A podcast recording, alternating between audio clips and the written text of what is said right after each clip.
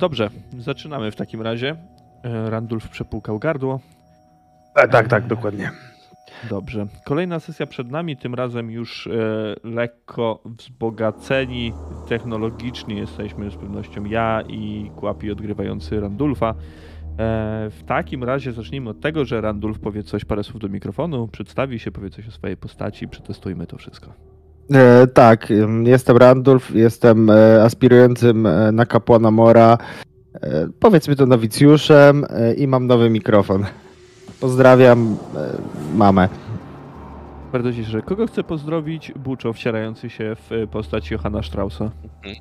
E, Ja bym chciał bardzo pozdrowić Tosię, która nas ogląda, E, a ja jestem, wcielę się w rolę Johanna Straussa, oprawcy, który jest aspirującym łowcą czarownic. Dobrze. E, Co łowić na dzisiejszej sesji będzie Kirsten Hertz, e, która Mamy- wygra Ruda. No cóż, Kirsten na pewno będzie łowić same dobre sztuki. I... I musi wyschnąć, bo wpadła do rzeki. Tak. Tak, ale myślę, że, że do czasu wypłynięcia już na pewno wyschła. E, Zobaczymy. Zobaczymy, co to będzie.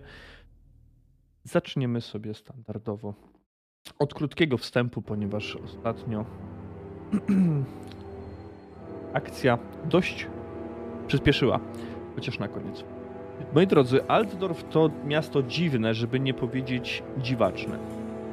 Poznaliście jedynie skrawek tej metropolii, a już po paru godzinach wasz zachwyt nad stolicą zdecydowanie opadł. Co prawda miasto ma szansę zyskać po bliższym poznaniu, ale pierwsze wrażenie jest bardzo ważne. Wilcza Brama, długa droga do Kyniś Plac oraz ulica zwana aktualnie ulicą Stu Tavern to miejsca, które zapamiętacie zdecydowanie na długo.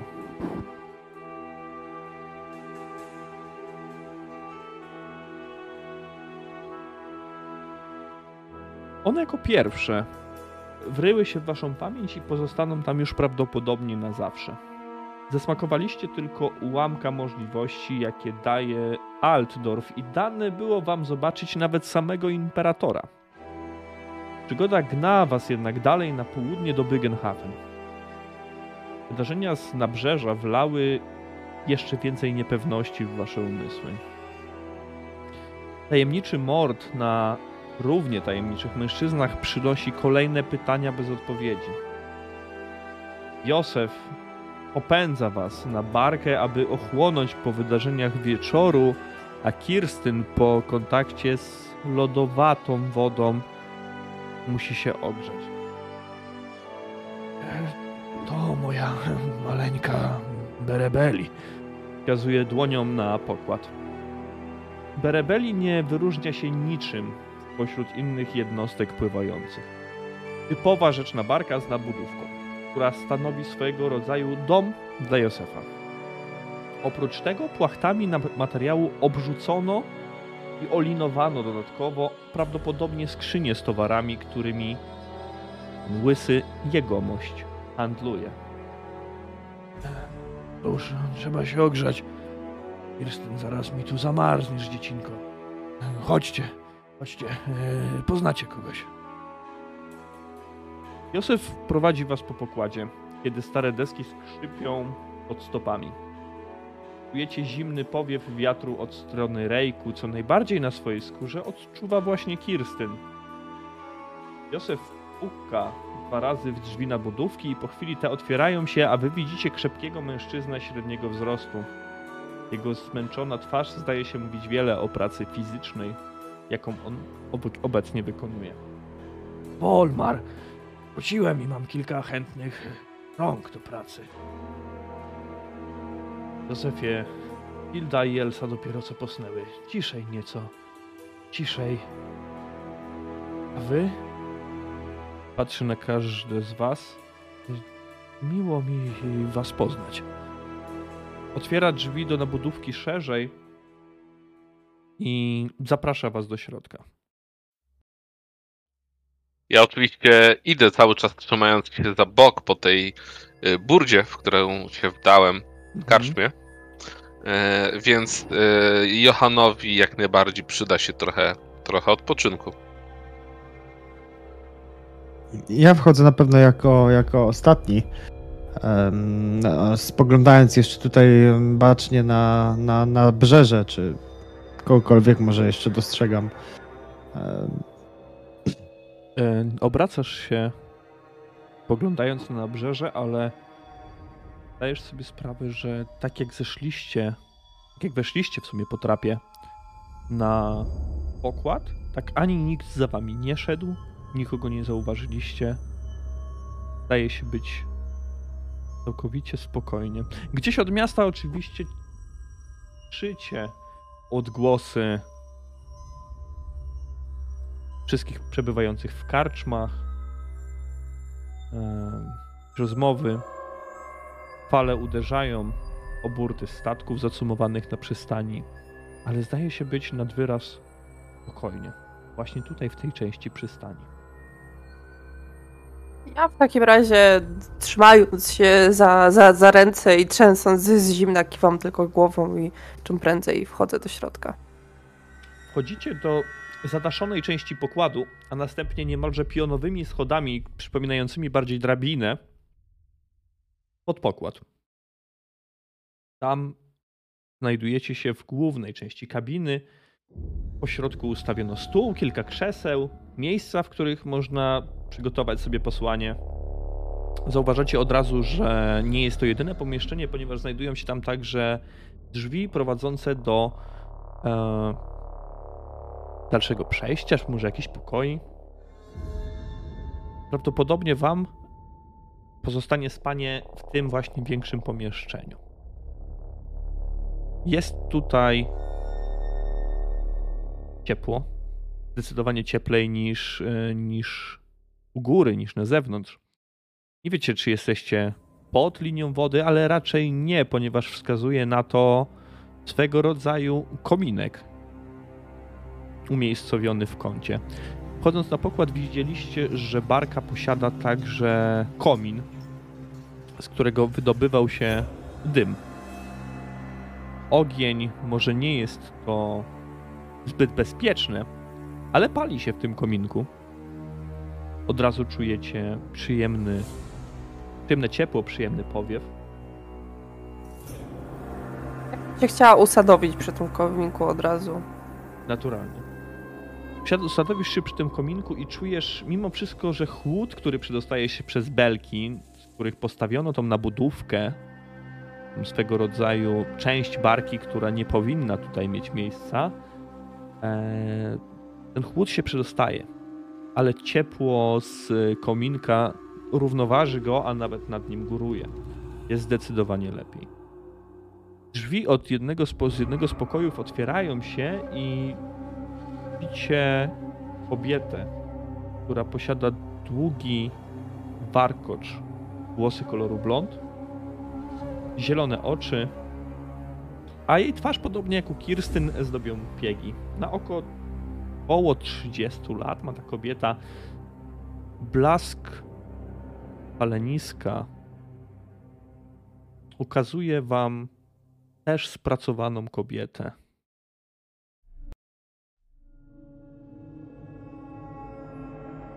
Kobieta rozgląda się, patrzy po was. Józefie, przyprowadziłeś kogoś do, do pomocy?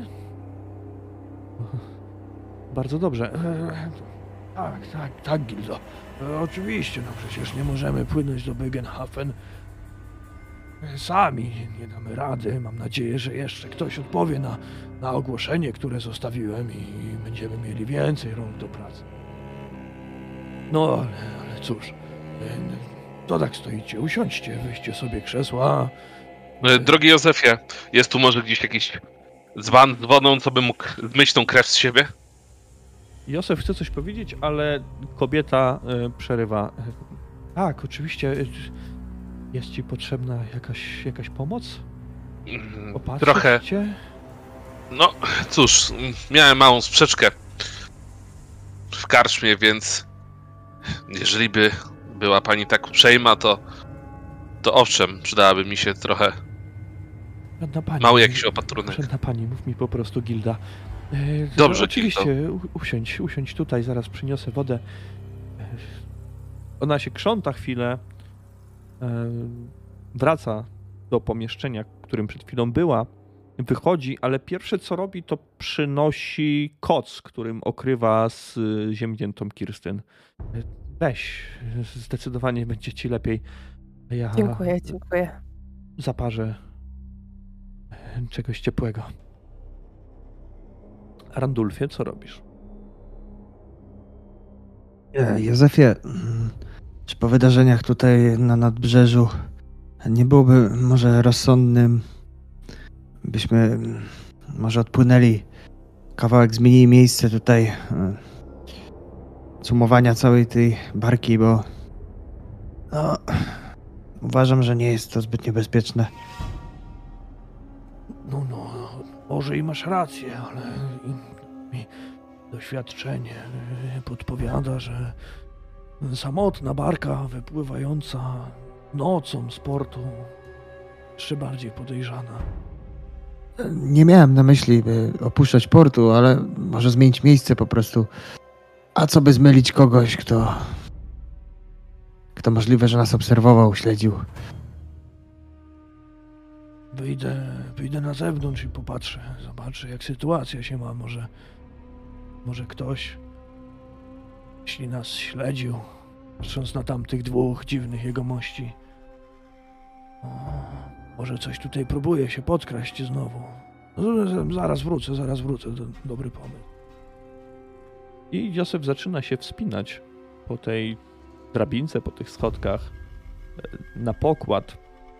E, Kirstyn, dostajesz kubek wina na rozgrzanie. Byś mogła sobie posiedzieć przy tym palenisku i napić się czegoś jeszcze. E, kobieta przynosi także kubek Johanowi, który wręcza. Dziękuję. E, Johan, ty nie masz żadnych otwartych ran, to jest po prostu to po pobiciu, prawda? Mhm. E, W sensie żadnych krytycznych, jeżeli o to pytasz, nie mam. Nie, po prostu metagamingowo, no to mam żywotność 1 na 11. Tak, ale to są rany powstałe po tej bójce z Bójce, tym mężczyzną. Mhm. Tak. No dobrze. e, Randulfie, ta kobieta zostawia także kubek wina na stole. Nie podaje ci go do rąk. Widać, widzisz, że zachowuje czy to bezpieczny dystans, jak zwał, tak zwał, czy, czy po prostu respekt nie, nie, nie nakazuje jej podchodzić do ciebie i nadawać ci, od razu dawać ci tego em, tego wina. Postawiła, spojrzała na ciebie jedynie i opuszczając wzrok podeszła do Johana. Johan, ona oczywiście opatrzy ciebie. Ja wykonam pierwszy rzut tej sesji w takim razie, zobacząc, patrząc jak jej wychodzi to leczenie. 91. Nie bardzo, ale możesz sobie dopisać e, 3 punkty żywotności na ten moment. Dziękuję e, Gildo za pomoc i za trunek. Od razu, od razu jest mi lepiej. Gościnność u was jest o wiele większa niż w tamtej karczmie. E, W, w, jakiej karczmie? Co się, co się stało w ogóle? Wiem, że się, że się nie znamy. Johan was, e, Józef was dopiero przyprowadził, ale już wszystko w porządku? Czy Ty- Józef już wrócił? Nie, nie, Józefa? Józefa nie ma. Jesteście tylko z tymi ludźmi, których dopiero co poznaliście, więc sytuacja, no, atmosfera jest trochę niezręczna na pewno. Kobieta jednak stara się to przełamać, wskazując na ciebie. Ty, ty, ty, ty wyglądasz na pobitego. Tutaj ta Mhm. dziewczyna jest zziębnięta, jakby wpadła do, do rejku. A Tak też właśnie było. Wpadłam do Tak. rejku. Józef, e, twój mąż, zakładam. Nie, nie, nie. Moim mężem jest, jest Wolmar. E, W każdym razie Józef zabrał nas do pewnej karczmy, żebyśmy mogli tutaj, żeby Kirsty mogła z nim powspominać, żebyśmy mogli coś zjeść. No i niestety się okazało, że na złe towarzystwo wpadliśmy jakichś tam paniczyków, którzy bardzo szukali bitki. Tak, bo y, ja i Józef znamy się z O, z dawien dawna, można tak powiedzieć. Znał mnie, kiedy byłam jeszcze inną dziewczyną w innym życiu. Tak, tak, y, y, rozumiem. Czegoś jeszcze y, potrzebujecie? Chciałabym pójść i zobaczyć, czy, czy Elsa śpi. E, Nie, dziękuję ci bardzo za, za wino i za kot. Jeśli mogę w czymś pomóc, to proszę, nie, nie, nie, e, nie. daj Nie, znać. nie, nie, nie kłopocz się. Mam nadzieję, że nasze przybycie nie obudziło twojej córki. Pójdę, pójdę sprawdzić. Niedawno położyłam ją spać, więc mam nadzieję, że będzie w porządku. Mm, Po schodach, po tej drabinie schodzi do was y, także Wolmar, czyli ten mężczyzna, który wam otwierał drzwi. Pierwszy. Przeciera tylko ręce, podchodzi do paleniska i przykłada je, chcąc je nieco ogrzać. Nie mieliśmy okazji się przedstawić. Wciągam rękę w jego stronę. Kirsten Herz. Miło poznać. E, Miło mi. Mów mi, Wolmar. Widzę, że moją żonę już poznaliście. Tak, bardzo mi pomogła. y, Johann Strauss i też wyciągam z tego miejsca, gdzie siedzę, gdzie mnie gilda posyciła. On robi dwa kroki w twoją stronę i także wyciąga rękę, ściska ją i odwraca się trochę pytającym spojrzeniem, lustrując Randulfa. A wy co tak w cieniu stoicie? Podejdźcie. Przyjaźnie nastawieni jesteśmy, nic wam nie grozi. Nie, nie was się obawiam. Wybacz, że tak to zinterpretowałeś. Po prostu wydarzenie z nadbrzeża cały czas siedzi mi w głowie. E, Randulf, Randulf Lucen. I podaję mu dłoń. Mhm. On e, ściska twoją dłoń również. Cofa rękę po chwili, spróbując, próbując ją znowu ogrzać przy, przy palenisku. No, cóż. Jutro chyba przyjdzie nam wypłynąć razem, jak bogowie pozwolą. Dużo jeszcze tutaj ludzi jest oprócz nas? Mężczyzna milknie, słysząc to pytanie.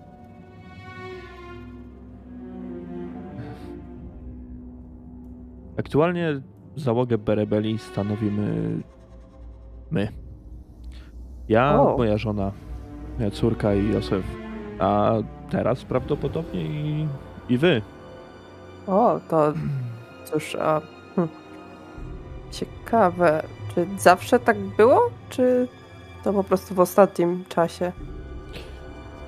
No, od kiedy pamiętam, Józef działa raczej na osobach wynajętych, a nie na stałej załodze.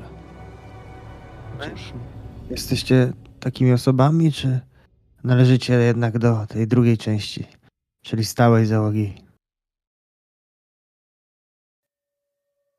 Mężczyzna odwraca się w stronę Randulfa, podchodzi do stołu, zasiada przy nim.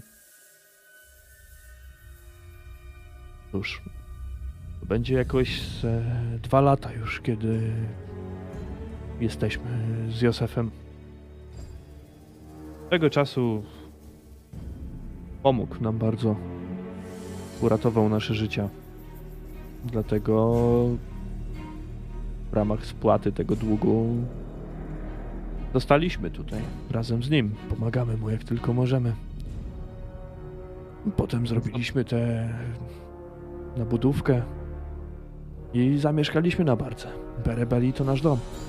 To Wolmarze, dużo macie przygód podczas, podczas rejsów, czy raczej one się spokojnie odbywają. Raczej się pytam, czego możemy się spodziewać. Chyba często e, nie rzekami nie pływam na barkach, więc nie wiem, czego możemy się po drodze spodziewać. Raczej chciałbym powiedzieć, że nic złego nas nie spotyka, ale sami wiecie jak jest. To nie banici są największym zagrożeniem, a my to, cło, Wszystkie inne podatki i strażnicy dróg czyhający na pieniądze. Mm.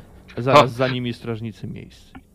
Ach, to dobrze, że to powiedziałeś, bo już myślałem, że powiesz, że największym wrogiem jest sam człowiek. I tak, To- no. A to jak to jest, że, że nikt się nie zgłosił? No, praca jak praca. A jednak ogłoszenie pozostaje bez odzewu. Co, Józef płaci zbyt mało dla tutejszych, czy jak to wygląda? Nie wiem, powiedział dopiero dzisiaj, że wystawił ogłoszenie, ale nikt nie przyszedł. No to e, Czekamy na taką, na taką podróż to zapytam, ile z doświadczenia myślisz, ludzi jest potrzebny, co by tutaj wszystko porządzić w razie jakichś niesprzyjających warunków pogodowych, e, na wodzie barkę okiełznać. Życie nauczyło mnie tego, że czasami taką trasę pokonywaliśmy z Józefem i z Gildą we trójkę. Co prawda nie jesteśmy żadnymi wojownikami, więc w przypadku napaści nie mamy szans. Każda para rąk się przyda, zwłaszcza taka, która potrafi dzierżyć miecz czy inną broń. Więc wydaje mi się, bo tego co Józef mi mówił, to ogłoszenie, które umieścił, bardziej tyczyło się ochrony jakiejś. To się świetnie składa, bo, bo stróża już, już macie. Ale jedną rzecz wiedzieć musisz. Wol, Wolframie. W- Wolmarze. Wolmarze, przepraszam, przepraszam.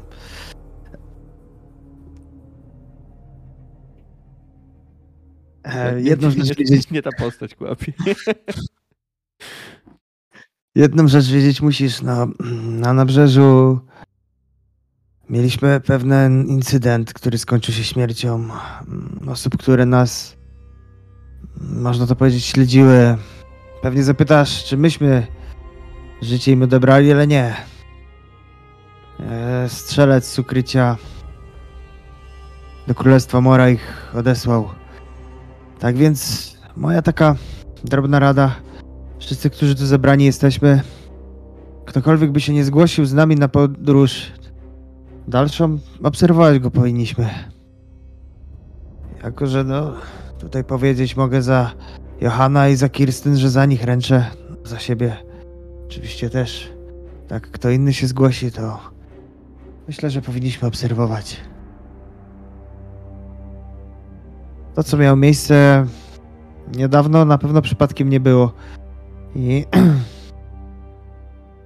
Wydaje mi się też, Randulfie, że i Wolmarze, jak będzie y, najbliższa okazja, to powinniśmy się dozbroić po ostatnich wydarzeniach. Wiem, że Kirstyn brakuje bełtów, nie wiem, może macie jakieś, a jeżeli nie, to możemy gdzieś zakupić w jakimś porcie po drodze. Nie no. Bełtów u nas nie ma. Uszy też żadnej nie mamy, ale to co też muszę powiedzieć to to, że rację macie, Randulfie. Rację macie, ponieważ z najmitami różnie bywa. Najmitom ufać nie można, ponieważ oni ufają jedynie brzęczącym monetom. I wam również bym nie ufał, ale poświadcza za was Józef, a jego słowo jest dla nas najważniejsze. Niemniej jednak wydajecie się być poczciwymi ludźmi. Ale bardzo cieszę się, że powiedziałeś nam to wszystko. I teraz tak sobie myślę, że może to lepiej. Może to lepiej będzie, jeśli już nikt się nie zgłosi. mm, dlatego pytałem, ile to osób potrzebnych jest. Co by przypadkiem u kogokolwiek z nas nóż lub sztylet zabłąkany w plecach nie wylądował. No, wszystkie te wydarzenia, które miały miejsce, są troszeczkę jakby to powiedzieć, dużym zbiegiem okoliczności i wielką zagadką dla nas. A tutaj co do najmitów, rację masz, ale bynajmniej ja dla pieniędzy tą podróż nie udaje, więc mi wystarczy dach nad głową, kromka chleba i to będzie wystarczająca zapłata, że do Bogoha... Bo... Do- Bogenhafen. Bogenhafen, że do Bogenhafen się udam. Randulf jest e, bardziej wspaniałomyślny mm, ode mnie, ale no ja uważam, że za uczciwą pracę jest uczciwa płaca, a jednak ten rynsztunek też będzie nas kosztował, więc będziemy z Józefem rozmawiać, ile, czy w ogóle przewiduje jakąś zapłatę dla nas. Mówił przecież, że zapłaci. A ja ręczę za Józefa i za Józefa. Wierzę. I za to, że, że nas wynagrodzi za to zadanie. Wierzę, dobrze mu z oczu, pa- dobrze mu z oczu. Długo Patrzę. nie wraca. Pójdę na pokład zobaczyć, czy wszystko w porządku. Ja udaję się tą drabiną, którą, którą wychodził właśnie Józef na pokład.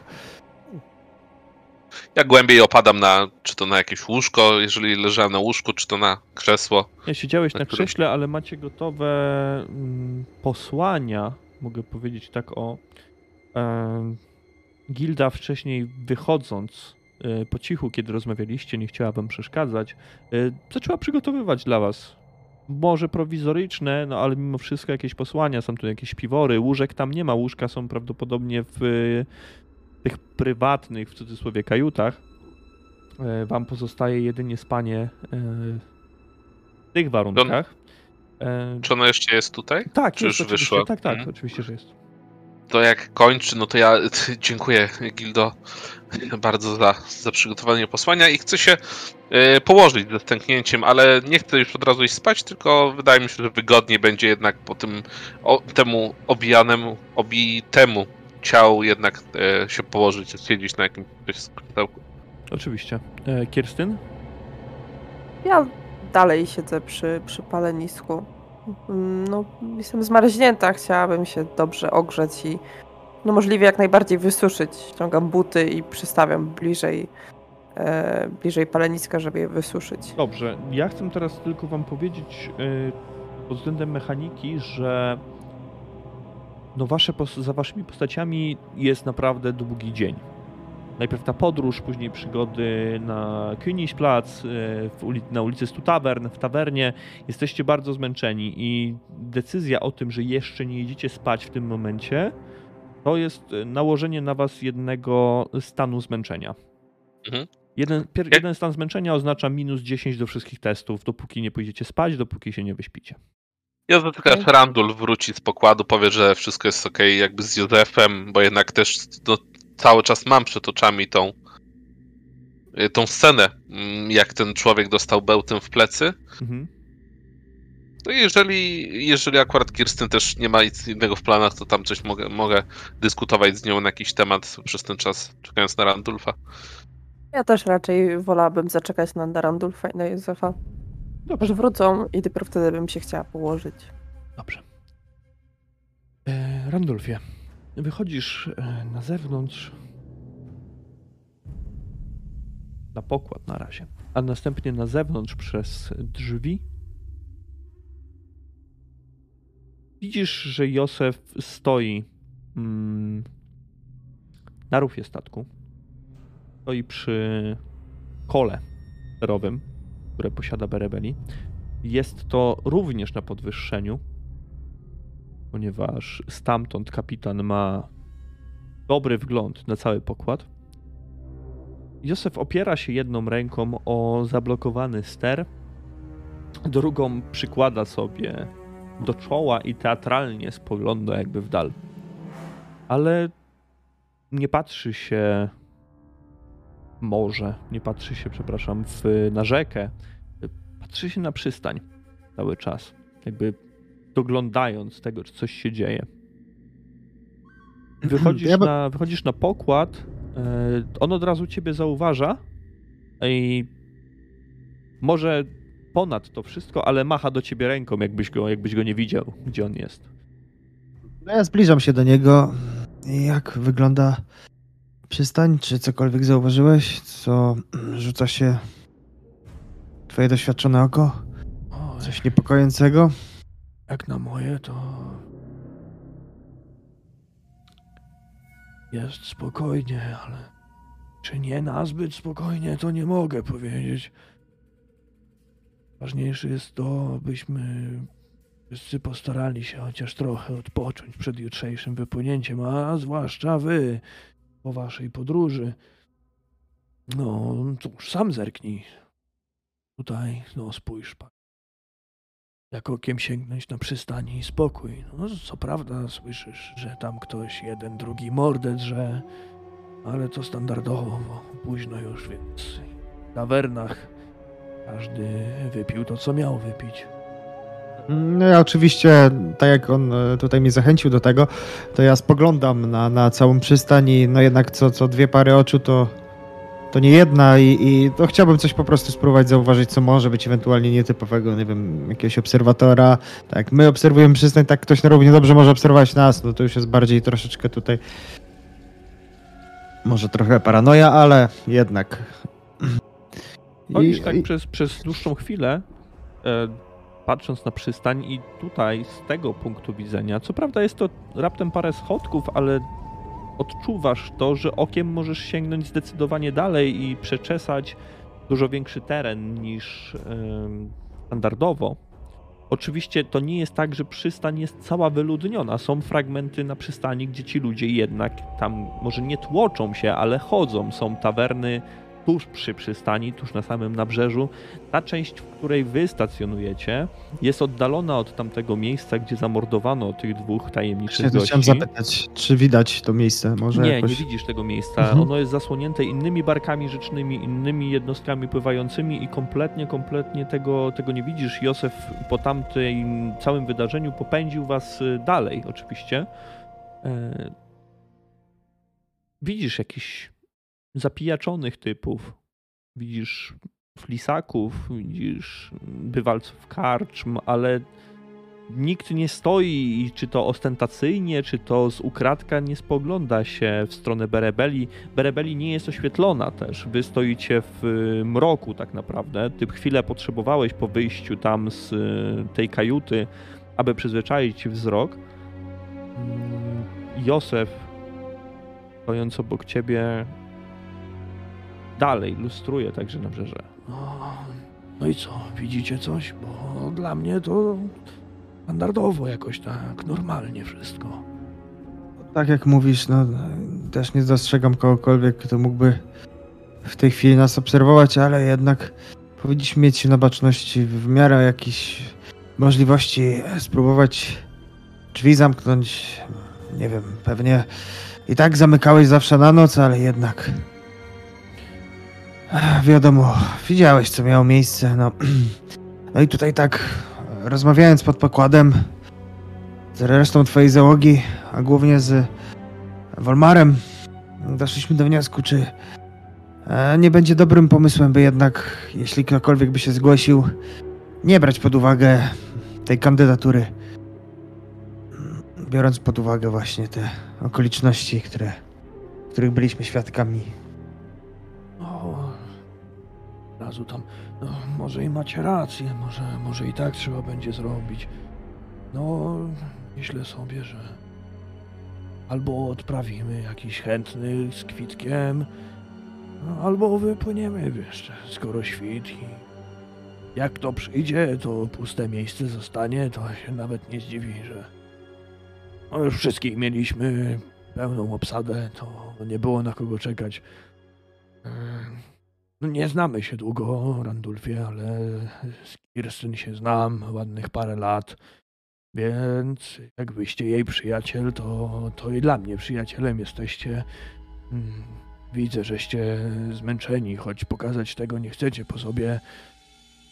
E, Proponuję ja, żebym z Wolmarem e, warty jakowe zrobił, a wy przed jutrem pośpicie trochę, chociaż odpoczniecie.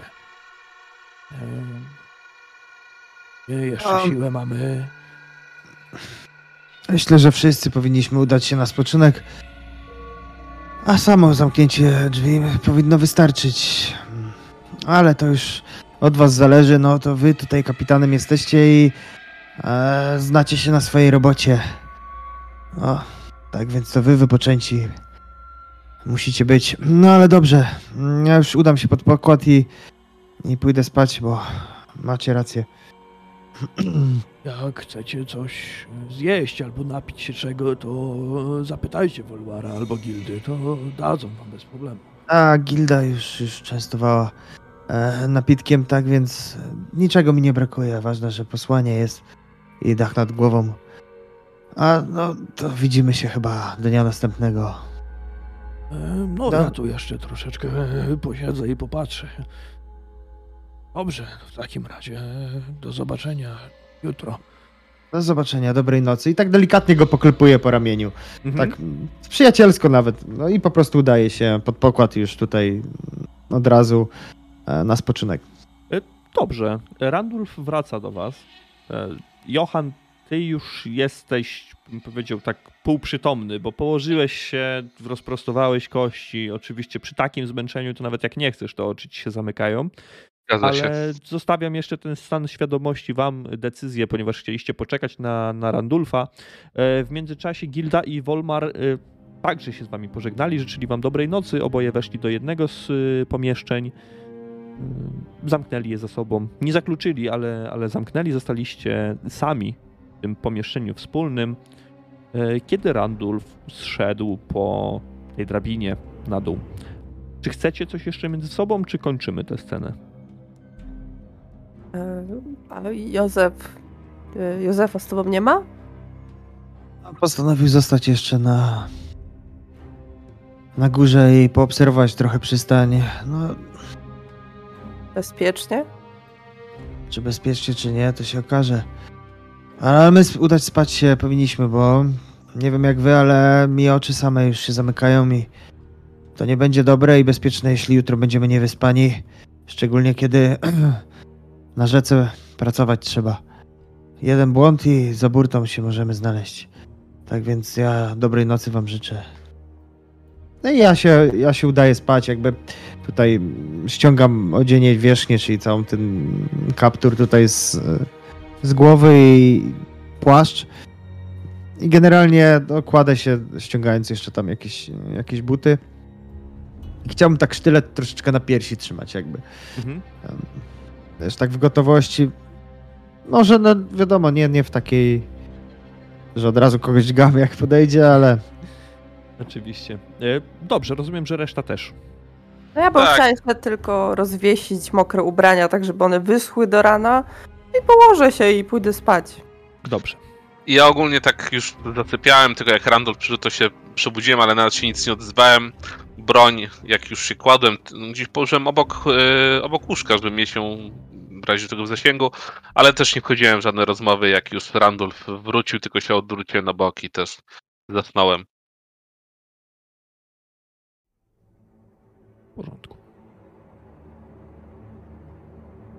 Ja mogę jeszcze powiedzieć, że przed snem roz, rozpuściłam włosy i moim nowym grzebieniem je rozczesałam. nikt tego nie widział. Wszyscy poszli spać. Ale ja to zrobiłam. Nie ma bełtu, to chociaż jest grzebień. Tak. Moi drodzy, znacie to uczucie na pewno z y, rzeczywistości, kiedy zdaje wam się, że kładziecie się spać, zamykacie oczy, momentalnie je otwieracie i jest już rano i noc mija jak pstryknięcie palca. Każde z was praktycznie odczuło ten stan tej nocy. Jeśli sobie gdzieś zapisaliście ten stan zmęczenie na poziomie jedynki, to proszę, byście go sobie usunęli. Nie macie go, bo odzyskujecie siły jako tako, ale kiedy otwieracie swoje oczy w palenisku, już nic się nie pali. W nocy nikt nie dołożył do tego. Słychać, jak pale uderzają o burty berebeli. Ona się nieco kołysze, więc dla was może i jest to dziwne, jest to nowe, ale będąc tak zmęczonymi jak tej nocy, nie robiło wam żadnej różnicy, czy zasypiacie na wodzie, czy zasypiacie w normalnym łóżku. Po prostu padliście spać. Otwieracie oczy, kiedy w pomieszczeniu panuje swoisty półmrok, a po schodach, po tej drabinie, może tak będę, będzie prościej, kiedy będę mówił, e, ktoś schodzi. Otwieracie swoje oczy i w tym półmroku zauważacie postać Józefa. Mam tylko pytanie, czy przez ten odpoczynek coś sobie odzyskałem żywotności? Możesz sobie dopisać jeden punkt żywotności jeszcze. Mhm. Halo? Życie takie ciche gdzieś, by nie chciał nikogo obudzić, a jednocześnie zwrócić swoją uwagę. Kirsten? Randulfie? Johan? Dobry Józefie. Nie śpimy już. E, Posłuchajcie mnie, bo złe rzeczy się dzieją. Ja, jak to złe rzeczy? Ja od razu wstaję i zakładam buty i, i płaszcz. Ja też I się jednocześnie zaczynam słuchając, co ma do powiedzenia, Ja się ubieram. do powiedzenia Józef. W nocy. Parę godzin temu jakoś. yy, dwóch szlachetków, pamiętacie, z przewoźnika, prawda? Tak, co z nimi? No, to kontynuowali swoje slamsowanie. I wywołali bójkę w czarnym byku. Co to ma z nami wspólnego, Józefie? Oprócz tego, że mieliśmy nieprzyjemność ich poznać. No, no, posłuchaj, bo to nie koniec. Czarny byk to jedna z najpodlejszych spelun w dookach. Oni wywołali stąd bójkę, ich ochroniarze zostawili, a jeden z tych młodzików zginął. Kurde. Nabrzeże aż huczy od plotek.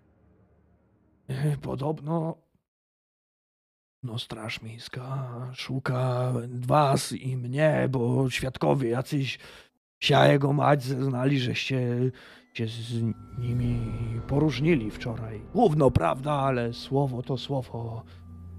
Pewnie ktoś myśli, żeście ich śledzili, a potem wyrównali rachunki, zabijając jednego z nich. Powiedziałbym, że mi jest przykro, ale bym skłamał. W takim razie, czy już e, wypłynęliśmy z portu? Nie, dopiero co się dowiedziałem i byłem jak najszybciej, żeby powiedzieć. I co To nie teraz? czekajmy. Wypływamy, czy czekamy, aż nas tutaj... A na co czekać chcesz? Przecież to wiadomo jak jest, że tłuszcza zawsze kozła ofiarnego potrzebuje. Zwłaszcza kiedy szlachta wchodzi w grę. Randul dobrze Dokładnie mówi. tak. Mów Józefie, co robić, by jak najszybciej barkę od brzegu odbić i nurtem rzeki ruszyć. Macie, bo w takiej sytuacji to nikt nie będzie żadnego procesu prowadził. Tutaj derstwo szlachcica, a szkoda by gadać. E, dobra, e, jak już się ubierzecie, to chodźcie na pokład, ja zawołam Wolmara i Gildę. Ja od razu ruszam, bo tutaj rozmawiając z nim w trakcie, no ja się ubierałem, tak więc Tak, generalnie tak. jestem momentalnie gotowy, więc kiedy on tylko już zaczyna wchodzić po drabince, to ja następnej Dokładnie. kolejności idę za nim. Parę minut y, zabiera mm, wszystkim, bo jeszcze Wolmar i Gilda muszą się oporządzić jako tako, wstać, e, wejść, y, wyjść na pokład. E, Moi drodzy, jeszcze, jeszcze nawet nie świta. Jest przed świtem. Józef prawdopodobnie pełnił tę wartę sam przez cały czas i tylko dlatego, być może dzięki rozmowie z Randulfem, e, czy to poszedł posłuchać plotek, czy to obserwował, potem się zainteresował, to jest nieistotne. Dowiedział się o tym e, morderstwie, kolejnym zresztą morderstwie w, w dokach. Wolmar Gilda zajmują się w tym momencie odwiązywaniem cum. Ja bym chciała im pomóc. Kirstyn pomaga im, a Johan i, i Randulf, wy dostajecie proste polecenia od Josefa. On wie, że wy nie jesteście marynarzami, nie jesteście w żaden sposób e, wodniakami, więc pokazuje wam, którą linę trzeba napiąć, w jaki sposób. Będziecie po prostu wykonywać jego polecenia. Chyba, że któryś z was nie Mhm. chce tego robić, to, to oczywiście potrzebuje deklaracji. Nie, Nie, nie, ja- ja od razu biorę się do roboty. Ja z dotknięciem, ale też, e, też robię to, co Józef mówi.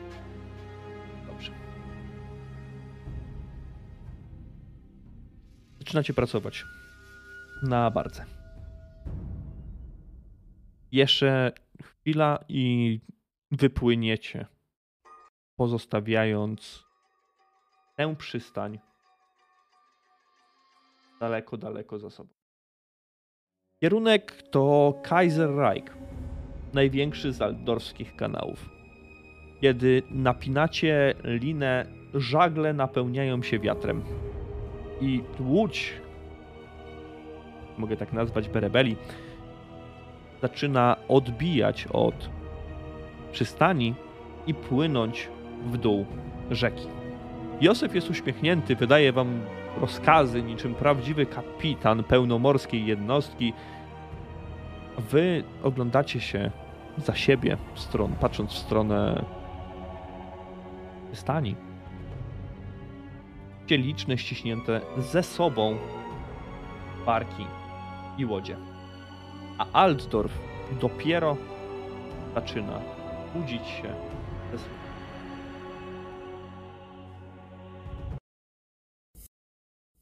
Pani, promienie słońca po jakimś czasie zaczynają przebijać się przez mrok, rzucając blask na białe budowle Altdorfu. Barka powoli dopływa do ogromnej, naturalnej przystani leżącej poza murami miasta. To Reichsport. Miejsce, w którym znajduje się najwięcej miejskich doków i stoczni. Ta przystań, przy której wcześniej byliście, zdaje się być miniaturowa w porównaniu do tego, co widzicie przed wami. Wszędzie widzicie różnego rozmiaru statki, ale także okręty wojenne, ponieważ armaty lśnią na pokładach, na wietrze łopoczą proporczyki. Józef stoi przy sterze, a bardziej powiedziałbym, że teraz stoi przy rumplu, żeby wyprowadzić mm, barkę pomiędzy tymi okrętami. W drugiej ręce trzyma butlę z winem i popija sobie. Wy macie wolne. Nie musicie teraz już za nic szarpać, nic przenosić, nic dźwigać, ponieważ barka jest prowadzona przez nurt rzeki Rejk. Widzicie? Widzicie te wszystkie okręty? Pyta w dość głupi sposób. Oczywiste jest, że to widzicie. Patrzycie właśnie na okręty wojenne pierwszej imperialnej floty. Luby Imperium. To ciekawe. Większość tych pięknych dzieł sztuki nigdy morza nie widziała. Setki, setki mil dalej, u ujścia rzeki Rejk leży potężne miasto Marienburg. Paniaki. Ogromne podatki nakładają na każdy okręt wojenny, który próbuje przezeń przepłynąć, a flota Imperium jest przez to zablokowana w Reichsporcie. Byłeś kiedyś w tym mieście? Nabywało się. Interesy się robiło, ale tam to można pogubić w tych ich wszystkich wyspach, wysepkach, kanałach, kanalikach, dzielnicach różnych. Przekrzykują się to wszyscy. A nie polecam tego, tego miejsca. Ale musi to być naprawdę, naprawdę interesujący widok, takie ogromne, ogromne miasto. Myślałam, że Altdorf jest duży, ale jeżeli ten Marienburg jest jeszcze większy, to ciężko to ogarnąć rozumem. No, oba są duże, co mogę powiedzieć. No, Marienburg to. Marienburg to głównie port, dzieci. No, To nie jest miasto. to Zakładam, jest... że jak to jeszcze, jeszcze port, to tam musi jeszcze więcej, czy bardziej śmierdzić niż tutaj w Aldorfie. Już No, Wszędzie nie mogę- śmierdzi, ale powiem ci, Johanie, że po paru latach to człowiek się przyzwyczaja i nic nie czuje. O, patrzcie, patrzcie pewnie już tutaj, nigdy nic nie poczuję. patrzcie tutaj. I on palcem wskazuje na olbrzymi okręt, górujący nad innymi. Kilkupokładowy. O, to nasz imperator Wilhelm III. E, Do żeglowania nim potrzeba e, ponad tysiąca marynarzy. Widzicie, No, że ja tak patrz, podziwiam, podziwiam po prostu. proporczyki dumnie mm, łopoczą na wietrze. Armaty lśnią. Widzicie na pokładzie, na pokładach w sumie tych y, jednostek żywego ducha nie ma w tym momencie. Kiedy przepływacie obok imperatora Wilhelma III, słońce już na tyle wstaje nad, nad, widok, nad widnokrąg, że nie macie problemu z rozpoznawaniem kształtów przed sobą. Dzień po prostu nastaje. A Józef, jak to Józef, dalej ciągnie swój wywód. Ten okręt, to piękne cacko, ma ponad 70 lat, dacie wiarę. A, Co ciekawe, nigdy Rejksportu nie opuścił. No i tu od 70 bitych lat.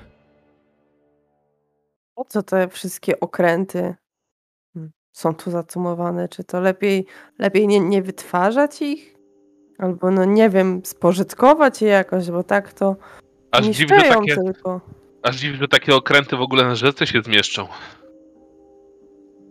O, na Rejku się może wiele jednostek zmieścić, pełne statki. Tutaj z Altdorfu do Marienburga Rejk jest tak szeroki, że przypomina niemalże morze. I cała flota mogłaby wypłynąć. No, jak mówisz, dziecinko, po co, po co je mieć? No to jest chluba imperium. Pierwsza imperialna flota. Imperium bez floty nie może być. A to, że ci głupcy z Marienburga tylko pieniądze potrafią liczyć, to już inna sprawa. Gdyby nie byli niepodlegli, nasza flota pływałaby po morzu szponów i siała postrach. Może. Chciałabym je kiedyś zobaczyć. A czy ty widziałeś kiedyś morze? Józef zamyślił się na chwilę, jakby pominał coś. Widać, że w tomu gra i taka rozmowa. On mógłby o tym gadać i gadać i wspominać. E, może. Tak, oczywiście, że się bywało, ale rzeka, rzeka to mój dom, mimo wszystko. Rozmawiacie, kiedy Józef wskazuje wam kilka zwykłych barek w porównaniu z tymi jednostkami, które widzieliście przed chwilą, które wyminęliście. Zauważacie, że te barki, im bliżej nich jesteście, przypominają, a nawet są barkami więziennymi. Widzicie tam klatki, które przypominają, które mają przypominać cele, ale są one zdecydowanie mniejsze. Są puste w tym momencie, ale jeżeli byśmy tam mieli kogoś trzymać, to pozycja siedząca albo mocno zgarbiona, taka uwłaczająca człowiekowi, to ta, która jest tam właśnie przeznaczona. E, Powiem wam, że tymi barkami rządzą jeszcze więksi przestępcy niż ci, co za kratami siedzą. Do ich samych tam by trzeba było wsadzić, a razem z nimi wszystkich tych strażników dróg chędożonych i strażników rzek. Aż tak bardzo dbają tylko o złoto? Nic nie mają w sobie za sprawiedliwość i prawa imperialne? Wszyscy dbają tylko o swoją kiesę, dziecino. Jak możesz na czymś zarobić, będąc strażnikiem, to my to 10 razy pobierzesz od tego samego człowieka. To tak jak z... To tak jak z kapłanami. Też nie wszyscy powołania są swoimi e, orędownikami jakiegoś bóstwa. Niektórzy się sprzeniewierzają Bogu, a ile by to daleko by nie patrzeć, ilu to łowców czarownic na stosie skończyło oskarżonymi o herezję będąc. Wszędzie są i ci dobrzy, i ci źli. To nie ma tak, że stróżowie prawa, tylko prawa strzegą, oni strzegą swoich sakiewek. No i tak to, tak to wygląda. Cienka jest granica pomiędzy gorliwą wiarą a fanatyzmem. I tu spoglądam na Johana tak dosyć wymownie. Mm. Bardzo Jo- cienka. Johan jeszcze jest dopiero aspirującym łowcą czarownic, nikogo nigdy na stos nie, nie posłał. On nie jest jeszcze naznaczony tym, nie wiem, tym bólem, tym mrokiem, który jest spowodowany tropieniem e, sług mrocznych potęg, dlatego no jest jeszcze trochę takim, no, idealistą i tak się zamyśla, kiedy słyszy wywód Józefa. I, I Randulfa przy okazji też. Kirsten tak bardziej do siebie mówi tylko, tylko brudne sumienie, brudzi spodnie. Co znaczy, tylko winni mają czego się bać. Może i tak. No, zapomniałbym. Zapomniałbym, e, Kirsten. E, Ofiarę, ofiarę złożyć trzeba. Tak, tak, koniecznie, koniecznie. Ofiarę złożyć trzeba weź tu drobne jakieś. Mam nadzieję, że dobry Rejk będzie nam błogosławił przez całą podróż. Dane nam będzie dopłynąć do Byggenhafen w parę dni. On wyciąga rękę najpierw do swojej sakiewki, następnie wręcza ci parę srebrnych monet, abyś składając ofiarę wrzuciła je do, do rzeki, a następnie odwraca się w stronę Randulfa. A, Randulfie, wiem, że ty może i z, z Mananem, z Rejkiem, czy z innymi bogami to mało wspólnego masz, ale jakbyś słówko Morowi szepnął, czy dwa, to też byłbym bardzo, bardzo wdzięczny. Oczywiście postaram się zwrócić, albo bardziej może odwrócić jego wzrok od naszej barki na czas podróży. No, Kirsten, dziecinko, nie czekaj, bo to tylko złe omeny przyniesie. E, Dobrze, ja bym chciała podejść do kraju barki, do rufy, nie wiem, czy barka ma rufę. No oczywiście, każda, każda jednostka pływająca ma rufę. Tam podejść Ruf, rufa właśnie. to jest tył. tak, no właśnie tak. No tam właśnie chciałabym podejść. Mhm.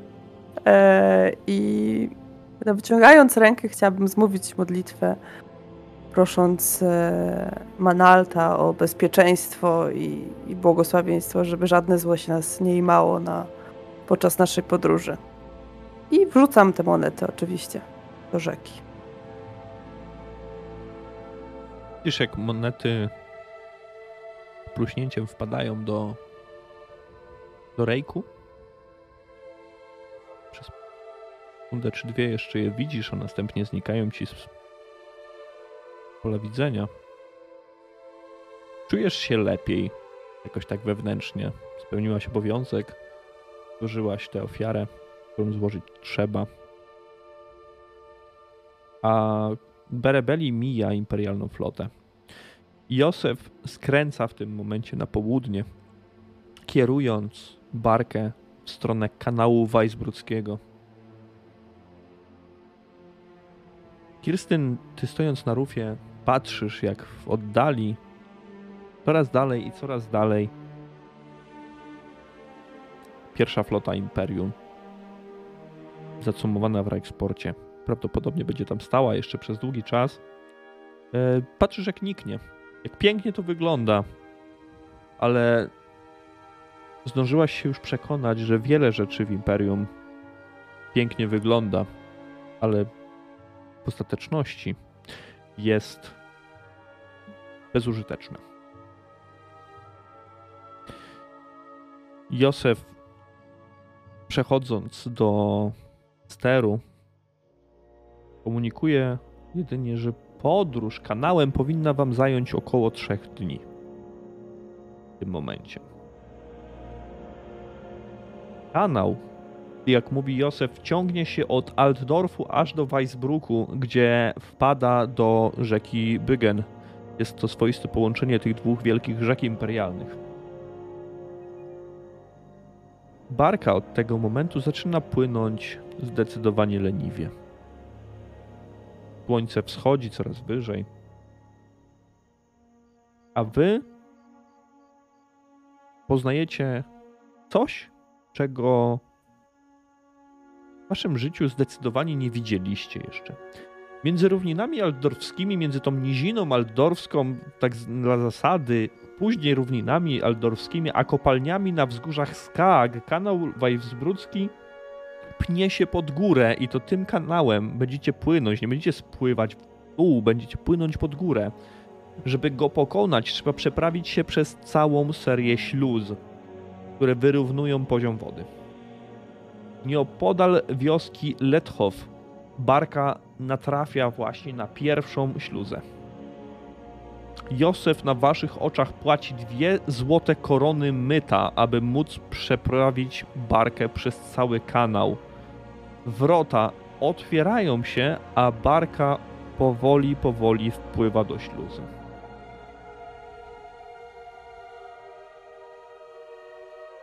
Śluza zamyka się, a woda jakby zaczynała się piętrzać, zaczynając unosić Berebeli ponad wcześniejszy poziom. Czujecie się nieswojo, ponieważ wydaje wam się, że unosicie się w powietrze niemalże powyżej linii gruntu, który przed chwilą mieliście na wyciągnięcie ręki.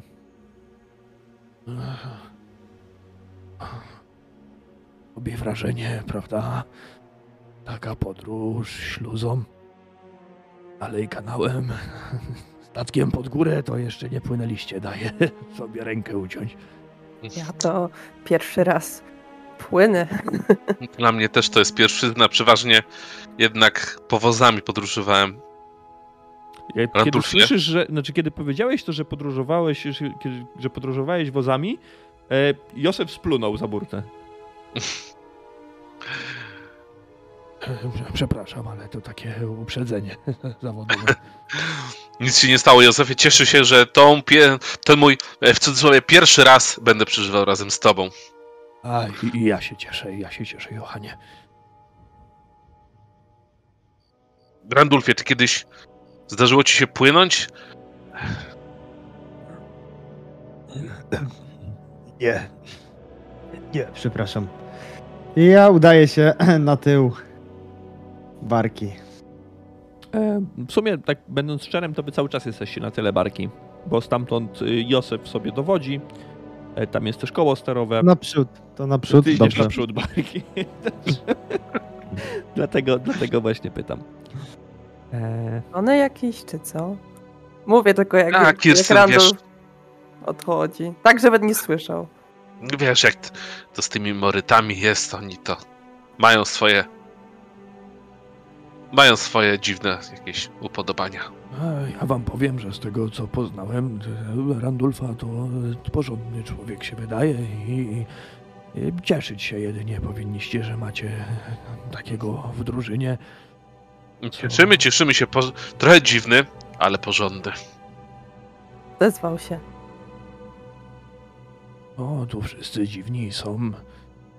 Patrzcie, kto by normalny pod górę płynął teraz rzeką, a wszyscy to robimy. No, to może ja powiem e, o, o kanale samym. Wiedzieli, co tu w ogóle się dzieje. No i Józef zaczyna oczywiście snuć kolejną opowieść. Zdajecie sobie sprawę w sumie, dlaczego Randulf poszedł naprzód. Eee... Józef opowiada wam, że kanał sam w sobie długi jest prawie na 100 km, a jego budowa ukończyła się w 2162 roku. Eee, miało tędy płynąć żelazo i węgiel z Delfgruber do Altdorfu. Nie trzeba przez to płacić większego myta w Karoburgu. Miało po nim pływać tylko małe barki ciągnięte przez konie, ale obecnie każdy, kto się zmieści, może z kanału korzystać. To i my skorzystamy. Oczywiście. Kiedy woda jest już na tyle spiętrzona, że możecie wypłynąć i śluza się otwiera, zauważacie, że pierwotne założenia tego kanału były jak najbardziej prawdziwe, ponieważ brzegi są niemalże na wyciągnięcie ręki z burty.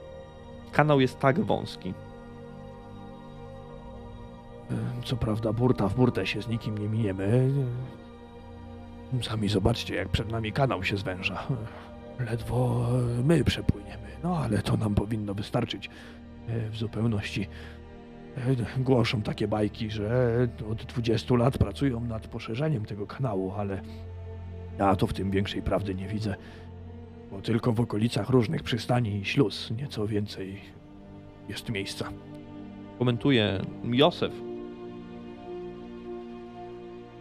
Wy zauważacie za sobą, ci, którzy stoją przy Józefie, różnicę terenu, ponieważ pozostawiony za waszymi plecami rejk zdaje się być zdecydowanie niżej.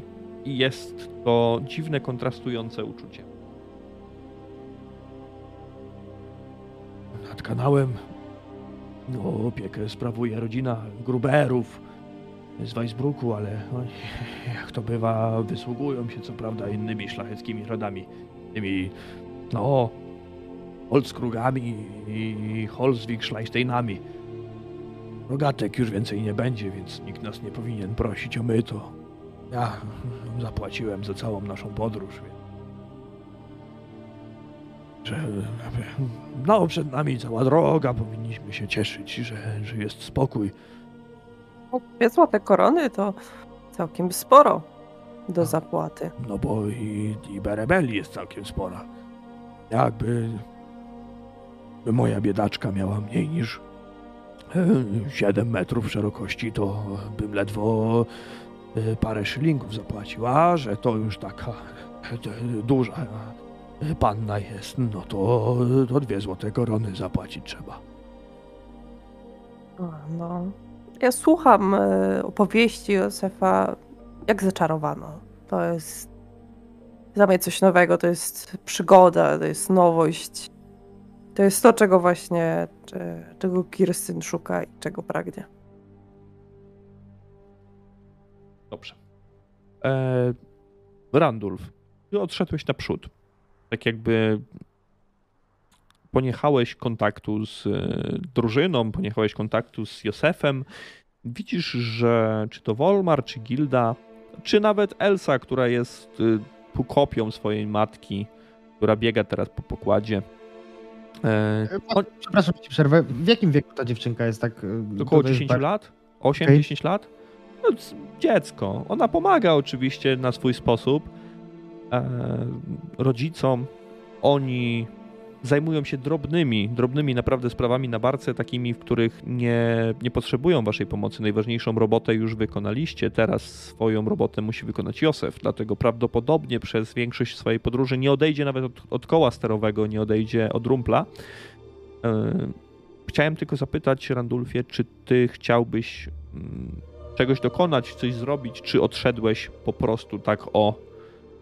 Ja odszedłem, słuchać no. Józefa? Nie, nie, źle się poczułem po prostu. Po prostu się źle poczułem. No tutaj e, padło też pytanie odnośnie tego, czy, czy byłem już na wodzie. No też nie miałem okazji, tak więc, e, więc no, nie wpływa na, na mnie ona pozytywnie, a głównie tutaj na mój żołądek, dlatego odszedłem. Em, no i co? No jak generalnie kiedy się już troszeczkę lepiej poczuję, to, to wracam do reszty. Tutaj nie było jakiejś takiej mm, celowej niechęci do, do opowieści Józefa, który już e, wczorajszego, poprzedniego wieczora e, tutaj pokazał, że jest człowiekiem bardzo gadatliwym, tak więc no, Mhm. Rozumiem. E, jeszcze jedno pytanie jest do Was, do całej grupy. Czy, tak jak, tak jak powiedziałem, e, Józef zakłada, że podróż zajmie 3, może 4 dni. Czy Wy macie jakiś pomysł na to, co Wasze postaci mogłyby robić w, w międzyczasie? Czy po prostu będziecie w cudzysłowie reagować na wydarzenia bieżące, na pomoc Józefowi o co, o co poprosi? Czy fabularnie Wasze postaci mają jakieś pomysły na siebie? ja bym może chciał nawet przypatrzyć to, jak Józef e, operuje i zachowuje się na, na samej barce. E, nie ze względu, że to mnie ciekawi, ale ze względu, jakby coś mu się na przykład stało, tak? By, by ewentualnie mm, widząc to, że, że e, no prawdopodobnie no, e, Wolmar by był w stanie go w jakimś stopniu zastąpić nawet lepiej niż, niż, e, niż ja, ale, ale jednak, no, gdzieś tutaj z tyłu głowy zostaje taka jakaś niepewność o to, że, że, że jest tutaj tak naprawdę jedna wykwalifikowana osoba, która, która mogłaby, że tak powiem, no tutaj sterować tą barką w profesjonalny sposób. Więc głównie chyba to. Dobrze. Chciał z gildą, z pomocy gildii dojść do, do zdrowia yy, po tym pobiciu, bo to jednak akurat te kilka dni da mi okazję, żeby zregenerować siły przed, yy, przed dotarciem do celu, a w międzyczasie też reagować na to, co, co się dzieje, czy na jakieś tam rzeczy, które Józef każe nam yy, robić. Ja z kolei chciałabym jak najbardziej pomagać na, na barce. I czy to, czy to Gildzie, czy to Wolmarowi, czy to właśnie Józefowi, ale też e, chciałabym poświęcić trochę czasu Elsie, pobawić się z nią, mogłybyśmy sobie pozaplatać włosy, jakoś tak. Chciałabym się mm, przysłużyć każdemu z, z mieszkańców. To w sumie, w sumie ja, ja, tak jak Kirsten powiedziała, no to ja tak samo, to nie jest tak, że tylko spoglądam to, co robi Józef. Jeśli ktoś potrzebuje pomocy, inna osoba jakaś tutaj na, na barce, jak najbardziej ja też uczestniczę w tym, ale jednak główny nacisk gdzieś tam stawiam na... Będziesz... Randolph też będzie kucyki plutł. Tak. Ja przede wszystkim tutaj jakby poczuwam się bardziej, bo ze względu na znajomość z, z Józefem chciałabym się wykazać, chciałabym mu się odwdzięczyć za, za, za możliwość podróży, jak i po prostu przysłużyć się jako stara przyjaciółka. Super, dobra, bardzo fajnie. W porządku. Zajmujecie się sobą, czy to obserwacją, czy pomaganiem, czy, czy, czy rozmową. Kirstyn. Hmm. Ty masz koszulę wiązaną, prawda? Na te, te rzemyki i one są zakończone koralikami. Błękitnymi, jak moje oczy. Kiedy bawisz się z Elsą, mm, ona zauważa twoje koraliki, mówiąc o tym, jakie są ładne. I że to jest taka część ubioru, na którą nie patrzysz najczęściej, bo wiesz przecież, że, że, że to jest. Kiedy spoglądasz na nie po raz kolejny, widzisz, że one są koloru czerwonego. Okej. Są E, krwisto-czerwone. Udaje, że są całkowicie normalne. W porządku. I to e, wiesz, e, jeżeli podobają ci się moje koraliki, to następnym razem, jak się spotkamy, mogłabym ci sprawić takie same. Też byś mogła sobie je przywiązać tutaj do koszuli. Byłoby super, tylko, tylko jakby się dało niebieskie. Jasne. Oczywiście. Lubisz kolor niebieski, prawda? Tak, bo to kolor taki jak woda. Woda też ma kolor niebieski. No tak, tak. Bardzo, bardzo lubisz wodę. Myślisz, że to jest, y, jest twój żywioł? No, patrzę się na ciebie nieco zdziwiona, ale no z mamą i z tatą cały czas y, pływamy, pomagamy tutaj wujkowi Józefowi, no to, to tak, to woda jest najlepsza. Ta czerwony to taki, bo, boję się trochę jak patrzę na czerwony i czarny. Tamten pan, ten pan w kapturze, on straszny jest. O, tylko takie pozory jest bardzo sympatyczny. Możesz mi, możesz mi wierzyć. Kirstyn, myślisz, że mógłby mi opowiedzieć bajkę? Myślę, że tak. Myślę, że mogę ci opowiedzieć naprawdę wiele ciekawych bajek. Jeżeli chcesz, to możemy pójść się go zapytać, czy, czy opowie ci bajkę. Jeż... Mhm. Jeżeli ja to słyszę, y, to mówię, y, powiedzcie, żeby opowiedział tą przypowieść z morałem y, pod tytułem Dlaczego kradniesz? Posyłam tylko gniewne spojrzenie e, Johanowi. Nic nie mówię. Wy rozmawiacie, kiedy Randulfie przed tobą pojawia się Wolmar. Po prostu przychodzi do ciebie.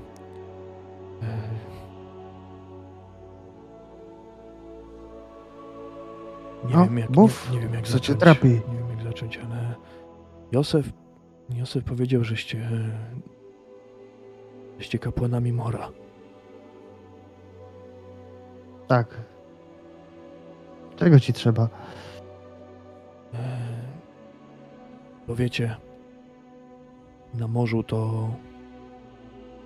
Na morzu, przepraszam. Nie powiedział na morzu. E, Na rzece to różnie bywa i kapłanów różnych się rzadko widuje. A Elsa niedługo 10 lat kończy. Rozumiem. Sami wiecie, jak to jest. No. Nie wiem, czy to poprosić trzeba, czy, czy to samo się dzieje, ale nie wiem też, czy każdy z, z was, kapłanów Mora, może to zrobić, ale może to być jedyna okazja, żeby to tak po Bożemu. A No, wró- rozumiem. wróżbę Tak. losu każdy znać powinien. Tak, masz rację. Wróżba losu jest czymś, co każdy z nas powinien trzymać, znać, pamiętać i hm, czy unikać? Czy można uniknąć coś, co jest nieuniknione? Hm, Przynajmniej, przynajmniej będzie wiedzieć, w jaki sposób do, do Mora się uda. Może nie kiedy, ale jak. Rozumiem. Że prosić nie chcę, ale zapłacić mogę. Nie, nie, w żadnym wypadku. Nie potrzebuję żadnych pieniędzy. Tak jak już wspomniałem na początku naszej podróży, to jest dla mnie rzecz hm, kompletnie niepotrzebna. Ale rozumiem, rozumiem Twoje mm, zmartwienie i, i postaram się hmm, coś na to zaradzić. Może nie chcę Ci obiecać, nie jestem pełnoprawnym, jak to się mówi, kapłanem, tylko nowicjuszem. Mogę z nim porozmawiać tak po prostu. Może ma jakieś pytanie, na które będę w stanie odpowiedzieć. A kto wie, co przyniesie mor, może ześlę coś, co, co powinna wiedzieć, tak? Czyli samą wróżbę, którą będę mógł przekazać. Ale obiecywać ci nie chcę, ponieważ skłamałbym, mówiąc, że siądę naprzeciwko niej i jak to się mówi, tłuszcza powiedziała, ześlę, mój Bóg ześle na mnie wizję, którą jej przekażę.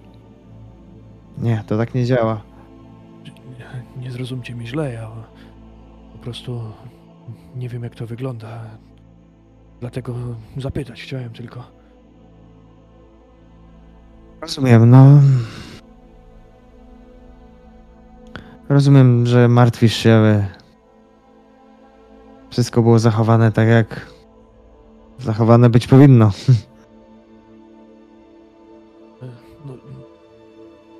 dziękuję.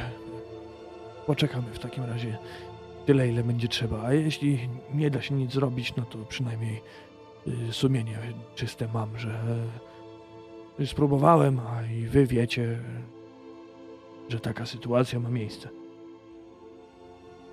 Rozumiem, rozumiem. Ja tutaj y, takie skinienie głowy porozumiewawcze do niego puszczam, jednak no tutaj w tej rozmowie Randulf totalnie starał się tak troszeczkę, no jednak no, ja nie mam pojęcia, nie mam zielonego Wiem, pojęcia. No, wiem, wiem, rozumiem, zdaję nie, sobie sprawę. jakby z jednej strony bardzo chciałbym e, tutaj e, by coś takiego, e, nawet może nie do końca dla samej dziewczynki, ale dla siebie, żeby, mm, żeby móc pomóc, no nie wiem, czy to można nazwać pomocą, tak, ale móc jakby, okej, nazwijmy to święcenie takie No wiesz, wiesz jaką, ale- jaką, jak wielką wagę, wszyscy wiecie, jak wielką wagę mieszkańcy Imperium przywiązują do przepowiedni, do religii, do przesądów, do, nawet do zabobonów wszelakich, więc ogólnie mm, wróżba losu wypowiedziana, tą różnicę, którą ty znasz, jest taka, że ją powinien mm, wypowiedzieć Czarnowic.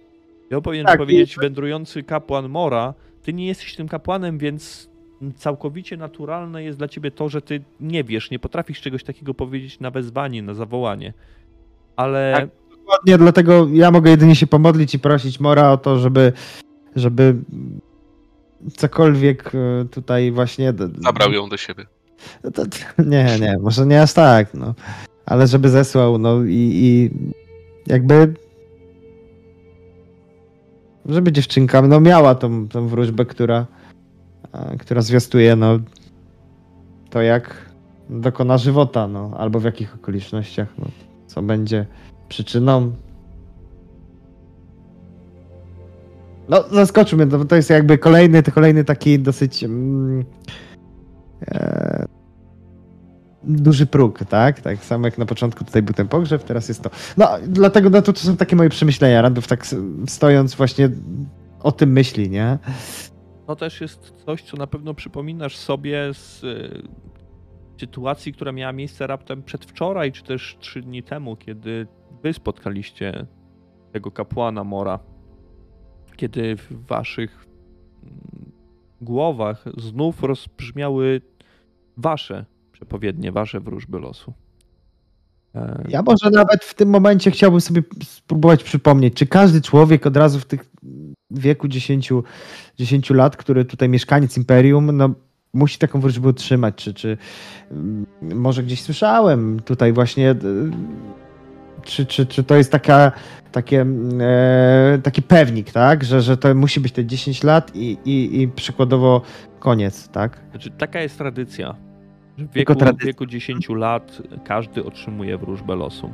Stąd prawdopodobnie to zakłopotanie i ta determinacja Wolmara, aby ciebie zapytać, bo e, no, ten mężczyzna ma rację. No, nieczęsto pływając po rzece i żyjąc na rzece spotykasz kapłana Mora, więc on tonący brzytwie się chwyta, chwyta się wszystkiego. Czy jesteś Tak. klerykiem, to No, złapał się tego, co jest najbliżej tego. mm, Akurat wiek się zgadza idealnie. To, oczywiście, ja to rozumiem jak najbardziej, i tylko że dla, dla Randulfa jest to takie pff, zderzenie z czymś, czymś, co może być zbyt. E, zbyt trudne jeszcze na tym etapie jego ścieżki. No, zostałeś Tak rzucony na głęboką wodę zdecydowanie, Jest. ale też jako kleryk Mora nie spodziewałeś się, że w przeciągu teraz trzech dni będziesz musiał wyprawić y, polowy pogrzeb. Dokładnie, dokładnie o tym mówię. tak dalej. No, to jest Okej, bardzo no to jest właśnie. na ciebie To jest, to jest właśnie to, to jest ta gonitwa myśli, która, która teraz kłębi się w głowie, w głowie Randulfa. Ja stoję i jakby po tej gonitwie myśli od razu staram się złożyć tutaj jak najbardziej gorliwą modlitwę do Mora, by, by po prostu pomógł mi rozwiązać ten problem e, i rzeczywiście by, by ta dziewczynka no mogła dostąpić tutaj tego e, tej wróżby. Rozumiem. I tyle. E, Z twoich zamyśleń i po tym, kiedy Wolmar już odszedł, wyrywa ciebie to, ale inni również zauważają to, że nabrzeżną drogą, tą znajdującą się na wyciągnięcie ręki niemalże e, od barki, podróżują e, miejscowi chłopi. Jest już na tyle, w cudzysłowie późno, jest późny poranek, że ruch na traktach wzrasta. Witają się, unoszą swoje ciepłe czapy, na powitanie. E, Są ubrani ciepło, jak to na przedwiośnie przystało. Pamiętajmy, że wciąż jesteśmy w pozimiu. E, Co przypomina wam doskonale zimny wiatr. Dłonie szybko stają się skostniałe, stajecie się przemarznięci wręcz. E, Kanał to nie otwarta woda, ale mimo wszystko jest tutaj zimno. Pomoc, zabawy w przypadku Kirstyn ale kiedy mocno marzniecie, możecie w każdej chwili zejść pod pokład, gdzie jest zdecydowanie cieplej. Eee, Kirstyn, kiedy Elsa odchodzi od ciebie, Zaczynasz się zastanawiać, czy twoje koraliki zawsze były czerwone? Nie, przecież wiem, że były niebłękitne. Na Jeśli pewno? tak, to jak się stały czerwone? I czy od dłuższego czasu są czerwone? Czy dopiero niedawno? Czy dzisiaj to się stało? A jeśli tak, to jak to możliwe? Czy to, czy to dar? Czy to klątwa? Czy to przekleństwo? Czy stanie się coś złego? Czy grozi niebezpieczeństwo? Czy, czy grozi nam rozlew krwi? Takie, takie myśli krzątają się po, po głowie Kirsten. Zaniepokoiło to ją. To jest zdecydowanie coś, co, co jest no, no niezwykłe. Koraliki same z siebie nie zmieniają kolorów. A przecież nie miały żadnych właściwości magicznych. W związku, w związku z tym e, Kirsten chciałaby się udać w odosobnione miejsce i pomodlić się. Modlić się do, do wszystkich bóstw o wyjaśnienie tej sprawy, czy też hmm, zrozumienie, jak to się stało. Po prostu idzie się i modli. Dobrze. Y, Randulf? Randulf i Kirstyn. Oboje się modlicie, więc ja proszę od was y, testy modlitwy na plus 20.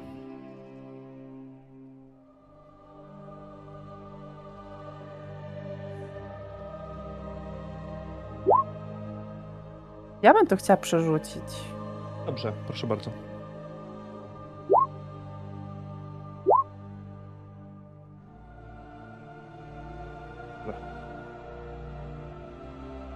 W porządku.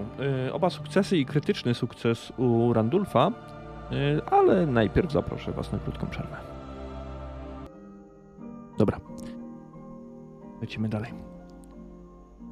Y, Kirstyn, Twoja modlitwa miała cię uspokoić, ale przede wszystkim modląc się wciąż zachodziłaś w głowę. Czy te koraliki zawsze były czerwone? No tak. Przecież były koloru morza. Morze nie jest czerwone niepokój nie został odegnany przez tą modlitwę w żaden sposób. Mimo, że chwilami czułaś się lepiej, to nie przyniosło to odpowiedzi na zadawane pytania. Niestety. Tak minęło nieco czasu, kiedy od wioski Letchow, wioski, przy której prze... przeprawiliście się przez pierwszą ze śluz, dobiegł was odgłos kopyt.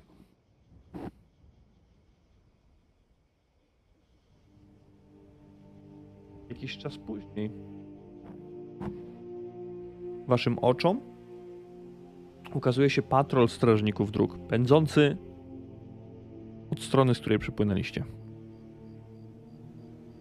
Następnie konie nieco zwalniają i zrównują się tempem z barką.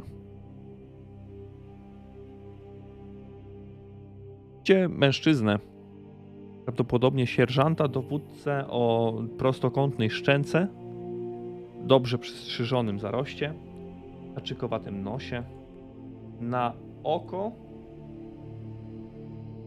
40 lat. Jest w pogodnym, wesołym nastroju. Witajcie, podróżnicy. A dokąd to prąd dzisiaj niesie, jeśli mogę zapytać? Weisbruck nasz celem, a dalej to już tylko Bögenhafen i sam Schaffenfest, jak Sigmar pozwoli. A jakże, a jakże? Uważajcie na siebie, co byście w kłopoty jakie nie wpadli. Może nie będzie dane nam się już spotkać, bo pędzimy przed siebie do Hartschlein. Podobno w okolicy jacyś banici grasują. Archklein? Toż to po drodze. Uważać trzeba będzie, załogo, słyszycie? Bo ani się nie obejrzymy, a kolejne myto trzeba będzie płacić. Żeby tylko my to było tym, co będziemy musieli płacić. No, Uważajcie na banitów, wypatrujcie wszystkiego. E, Co wam się zda podejrzane? Taka moja rada. E, Mężczyzna przygląda się przez chwilę Randulfowi. Wyście to chyba kapłan Mora, co? Czemu pytasz? A, tak tylko z e, ciekawości. Zeszłego lata e, babuńka moja, nieboszczka, bramy Boga waszego przekroczyła. Od tamtego czasu nic nas nie nawiedza. Śpimy spokojnie.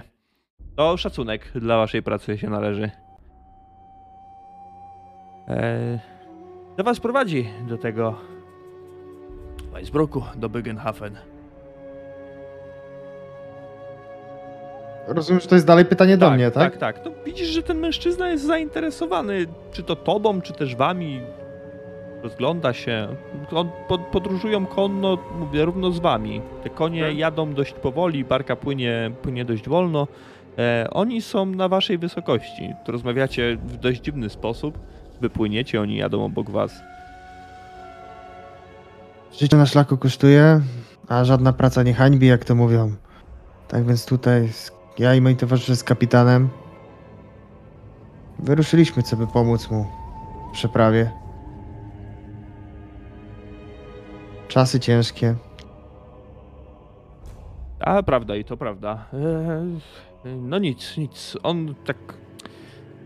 Widząc, że rozmowa nie jest podtrzymana, przynosi wzrok na Kirstyn. O, wyście, widzę, młoda panna. E, czym się zajmujecie?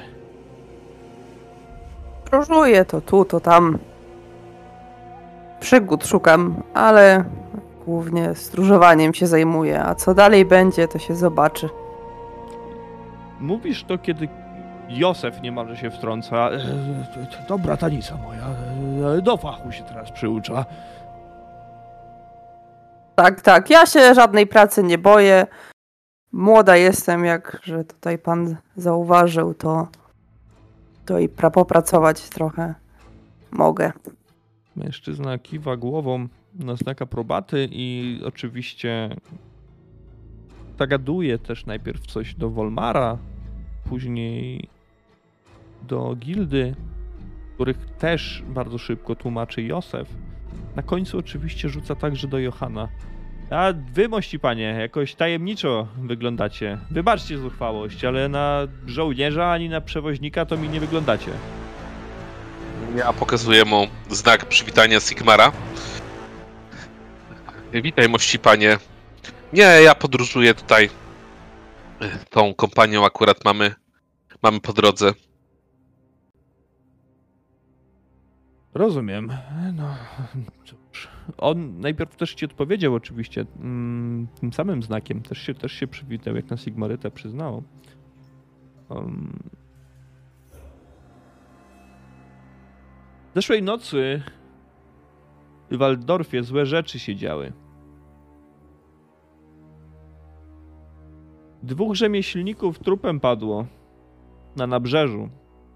Ale co ważniejsze, Jednego ze szlachciców, młodych wiekiem, ktoś życia pozbawił w nikczemny sposób. Wy od Altdorfu płyniecie, co? E, A, a płyniemy, płyniemy, a jakże. Wczoraj całą nockę spędziliśmy na barce, szykując się do podróży i każdy tu obecny może potwierdzić. Cóż, no, przykro słyszeć, że los taki spotkał szlachetnie urodzonego. Gdybyśmy byli w pobliżu, to i kapłan będący tutaj mógłby coś pomóc e, w ostatniej posłudze. E, Prawda, załogo? Tak jest. Zgadza się. Prawda. E, No dobrze. Jakbyście jednakże zauważyli coś, coś dziwnego, coś rzucającego się w oczy, to zgłoście. Zgłoście przy następnych przystankach. Morderców trzeba znaleźć. Albo mordercę. Nieważne, kto by to był. A tymczasem rzeka niech będzie dla was łaskawa, podróżnicy. Pieszno nam do Hartschlein. Komu w drogę. I pinają swoje konie, ruszając przed siebie, wyprzedzając barkę. Zdecydowanie w końcu nikną wam z oczu. Józef tylko ociera pot z czoła, wyglądając na was. Wieści się szybko rozchodzą. No ale tutaj już powinniśmy być e, e, bezpieczni i niepodejrzani w żaden sposób. Ale uważać trzeba. Trzeba, trzeba, to prawda. Ale martwić mnie to zaczyna, jeżeli hmm, wieści już o morderstwach doszły tutaj, to czy zaraz nie będą szukać od takiej dziwnej kompanii, jaką jesteśmy my. Szukać mogą. To się okaże. Póki co, płyńmy. Płyniecie, oczywiście, że tak. Nastrój nie jest już, może nie był nigdy, ale w żaden sposób nie jest y, wesoły, tym bardziej po kontakcie z y, tą grupą. Wiatr ustępuje. Ten zimny, lodowaty wręcz wiatr ustępuje, ale zamienia się on z mgłą. Słychać plusk wody. Żagle praktycznie nie są napięte. Barka dryfuje. Berebeli jest szeroka, łodzie nadpływające z naprzeciwka nie mogą się z nią minąć. Trzeba raz po raz cumować, przepuszczać kogoś. Zabieraj tą swoją grubą barkę z Weisbruku. Jesteś za duży, słyszysz? Wracaj tam, skąd cię przywiało. Słyszycie raz po raz. Józef kompletnie się nie przejmuje, pociąga kolejny łyk butel- wina z butelki. A, niech wam Bogenauer błogosławi, dobrzy podróżnicy. Żegna każdego, który próbuje się minąć z wami, każdego, który musi poczekać.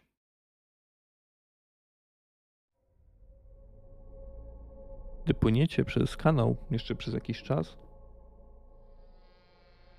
Józef zwraca się znowu do Kirstyn. Dziecino, już robiłaś dzisiaj, ale lepiej Bogenauera mieć po swojej stronie w tej okolicy. Masz. e, Weź trochę tych warzyw i wrzuć do kanału. E, Zawsze warto dać jakąś e, wiarę, prawda? Tak, tak, oczywiście, że tak. Chcę złożyć ofiarę wcześniej, oczywiście składając odpowiednią modlitwę. Rzucasz te warzywa tym razem do kanału Weisbruckiego i może to zrządzenie losu, może przypadek, ale kiedy one uderzają o taflę wody i wpadają w toń, czujesz pierwsze krople deszczu na swojej twarzy, na rękach. No, jeszcze nam deszczu tutaj brakowało.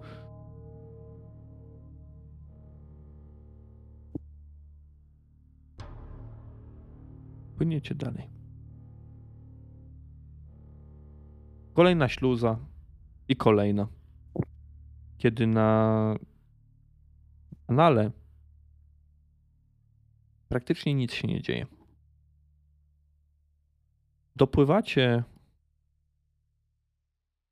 do śluzy, na brzegu której stoi piętrowy dom ze skośnym dachem. Z komina wydobywa się dym.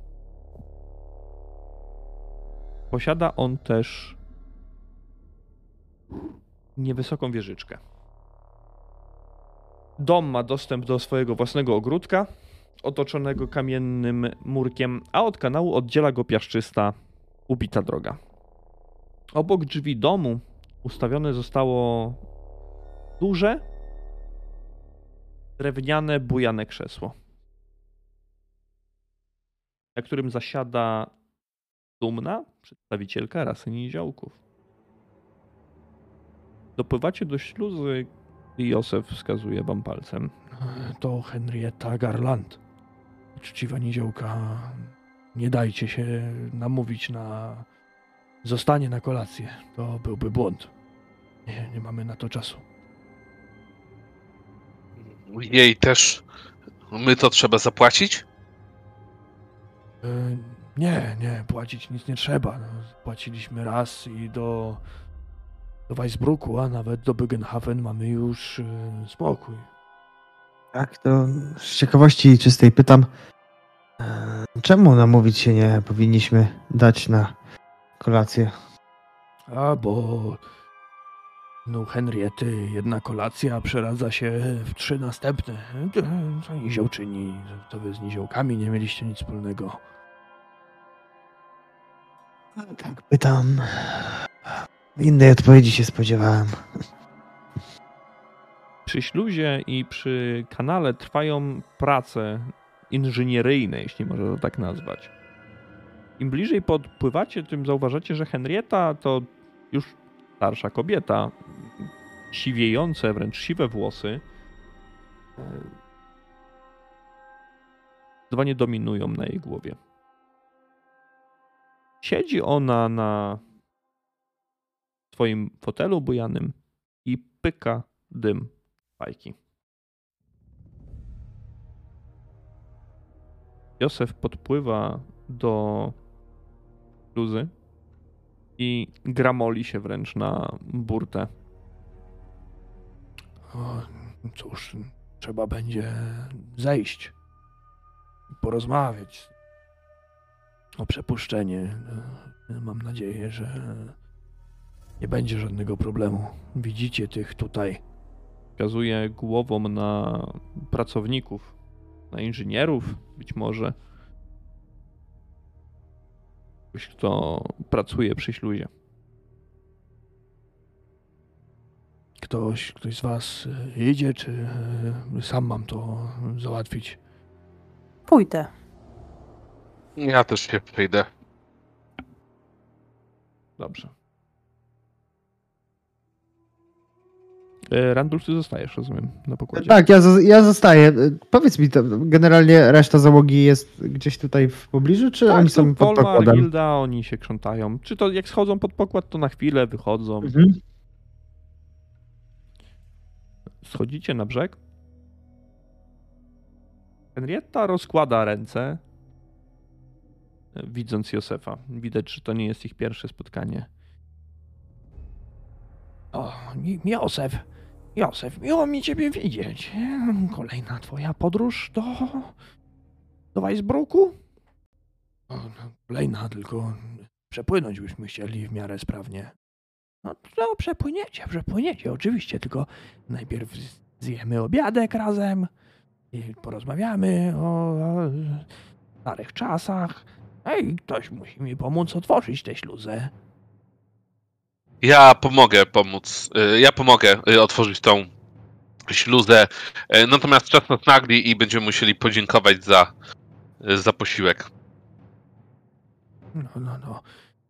Widzisz tutaj te, te, te wajchę i te, te dźwignie i te koła? Tu trzeba troszeczkę, troszeczkę siły trzeba użyć i wszystko będzie dobrze. Ja już stara jestem, coraz mniej siły mam, ale zawsze się ktoś poczciwy znajdzie, kto, kto pomoże.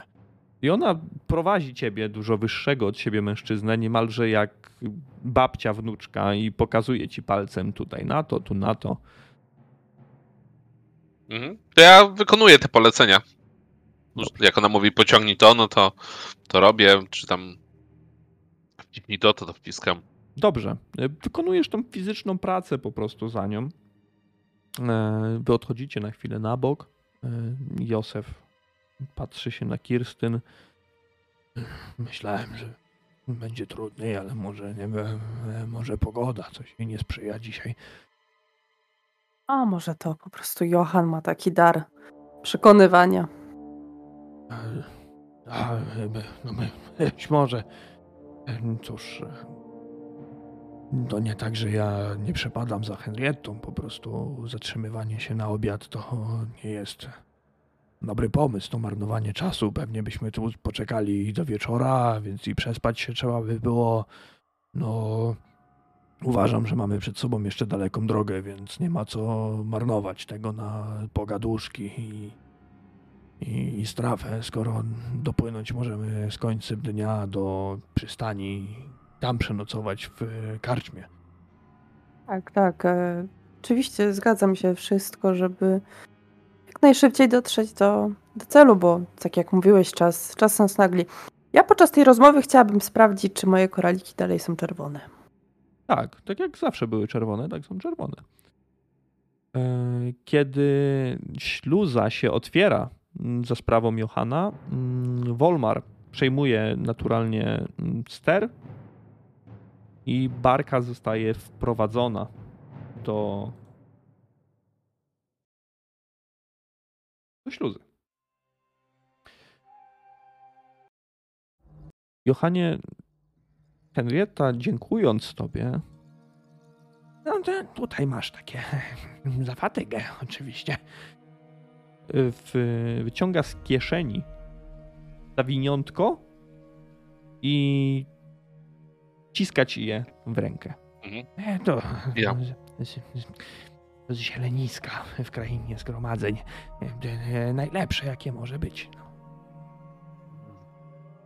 Dziękuję bardzo pani. To nie jest potrzebne, ale, ale na pewno Nie, nie, weź, weź, weź. Ja mam tego dużo. a na może pewno się tobie, przyda. Dziękuję. I chowam, nawet nie, nie na razie nie sprawdzam, co tam dokładnie jest, tylko chowam to do kieszeni. Może ci to umili wieczór w jakiś sposób. I wracając e, z, razem z e, Henriettą do Józefa i Kirstyn, ona zaczyna mówić, E, Stare śluzy są najlepsze według mnie, a nie te modne, parowe, z kołami zębatymi. No co tyle, tyle o nich gadają. Teraz dwa i po sprawie i wszystko jest zrobione. No to Ten młodzieniec pomógł i... Na pewno na obiad nie zostaniecie? Gulaszu, Nie, droga gulaszu, pani. Gulaszu dobrego nagotowała ma i jakieś wino poczciwe się znajdzie. Dziękujemy za, za zaproszenie, ale śpieszno nam tutaj. Czas nas nagli, a podróż jeszcze, jeszcze daleka. No Szkoda, że was czas naglibyśmy sobie porozmawiali. Widzicie tam tych dwóch przy śluzie? ona Tak. wskazuje mężczyzn, którzy naprawiają coś, stukają młotami. Widzicie szpadel wbity w ziemię. E, Moją śluzę od jakiegoś czasu trzeba co chwilę naprawiać. Ja przewiduję, że to był. że to jest sabotaż. Hmm, to nie może pani, być. Hen- pani Henrietto, dużo osób tutaj przypływało? No od groma, od groma, młody dnia? człowieku. Nie, nie, dzisiejszego dnia to wy jesteście pierwsi. Znaczy w drugą stronę płynęli. y, W drugą stronę dużo płynie takich łódek, małych, innych takich y, no, no, ba- barek rzecznych, ale to widzieliście chyba, bo wyjście od y, Widzieliśmy. Waldorfu, tak? Dokładnie. Doszły nas słuchy, strażnik, rzeczy nas przepytywał. E, doszło do jakiegoś morderstwa w Waldorfie. Ktoś ze szlachty e, zginął w dokach. Byłem ciekawy, czy nie widziałaś może nikogo podejrzanego, który by się przeprawiał w tą stronę, co my płyniemy, no ale skoro mówisz, że jesteśmy pierwsi, A pierwsi, pierwsi, tak, no to prawda, konno tak. Glicker jechał ze, swoimi, ze swoim oddziałem, też pytał mnie o to, czy czegoś podejrzanego nie widziałam, ale no Daldorfu to oprócz jego oddziału to tylko wy, tylko wy. Eee, tak sobie myślę jeszcze, bo skoro wy nie macie czasu, żeby, żeby pomóc w żaden sposób, no to będę musiała nająć kogoś, bo no, to nie mieszkańcy Harczklein, tak myślę, nie, nie mają powodów, żeby to robić, może. Ja wiem, wiem kto to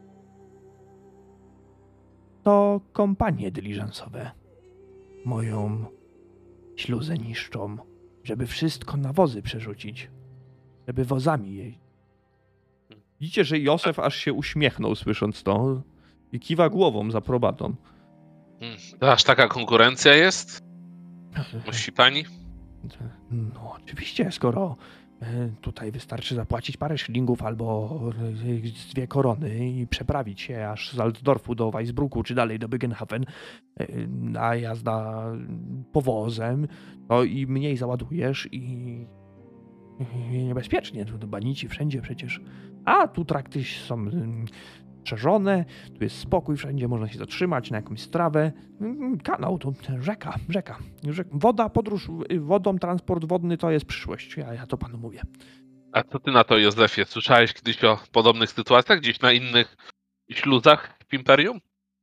No, no, no, no, usterki się zdarzają, no to prawda, to, to oczywiście, że tak, ale żeby ktoś specjalnie psuł i to, to takiej pani jak Henrietta, to aż się nie godzi. To może czas, pani Hernietto, w te parowe zainwestować w śluzy. Ci- Cisza właśnie zapanowała. pani- A może. A czy to ci, ci sami e, robotnicy tutaj naprawiają pani śluzę? Czy zmieniają się? No, od wczoraj ci sami. Ale czy jak tak wcześniej naprawiają, to dalej ci sami, czy, czy inni tutaj Nie, nie, to pani? inni, bo to, y, to przesyłają ich, to... A kto przysyła? No, straż. A może. A może to. Ja tak nachylam się w jej stronę konspiracyjnie, a może to. Wiemy, To oni niszczą potęgi.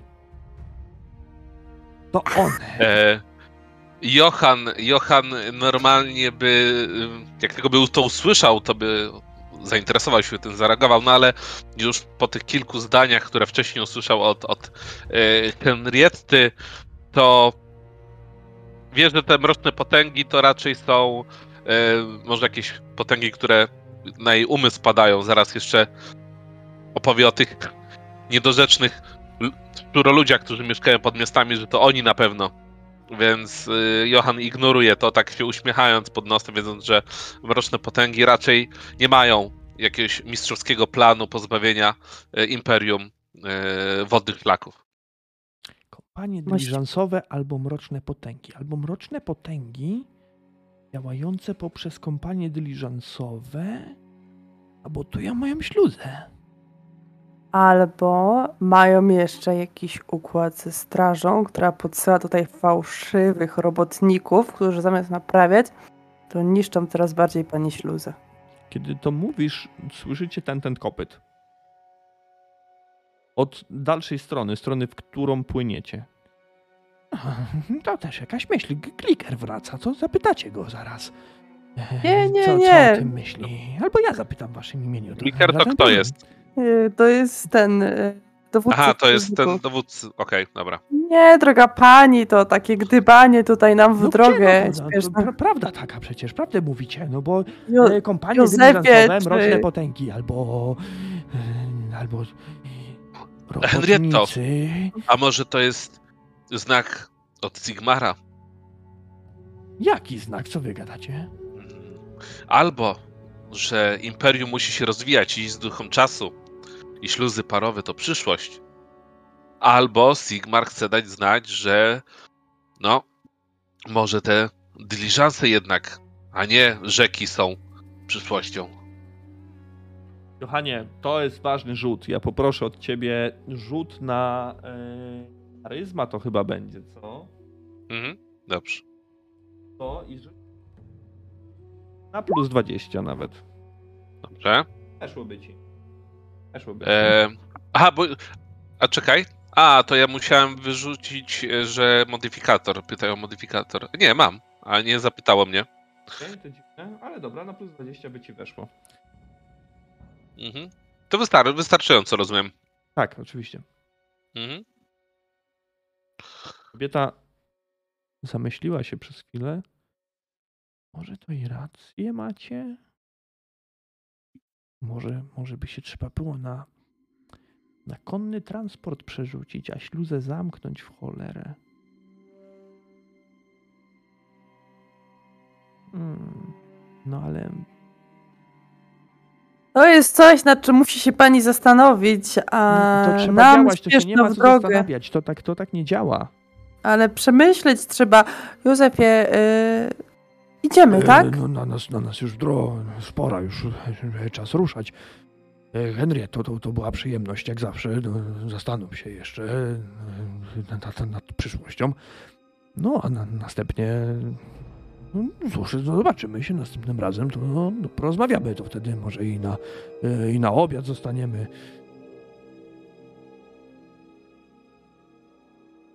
Zofia, mamy wystarczająco prowiantu na drogę, żeby może się zapatrzyć u u pani Henrietty. Ehm, No,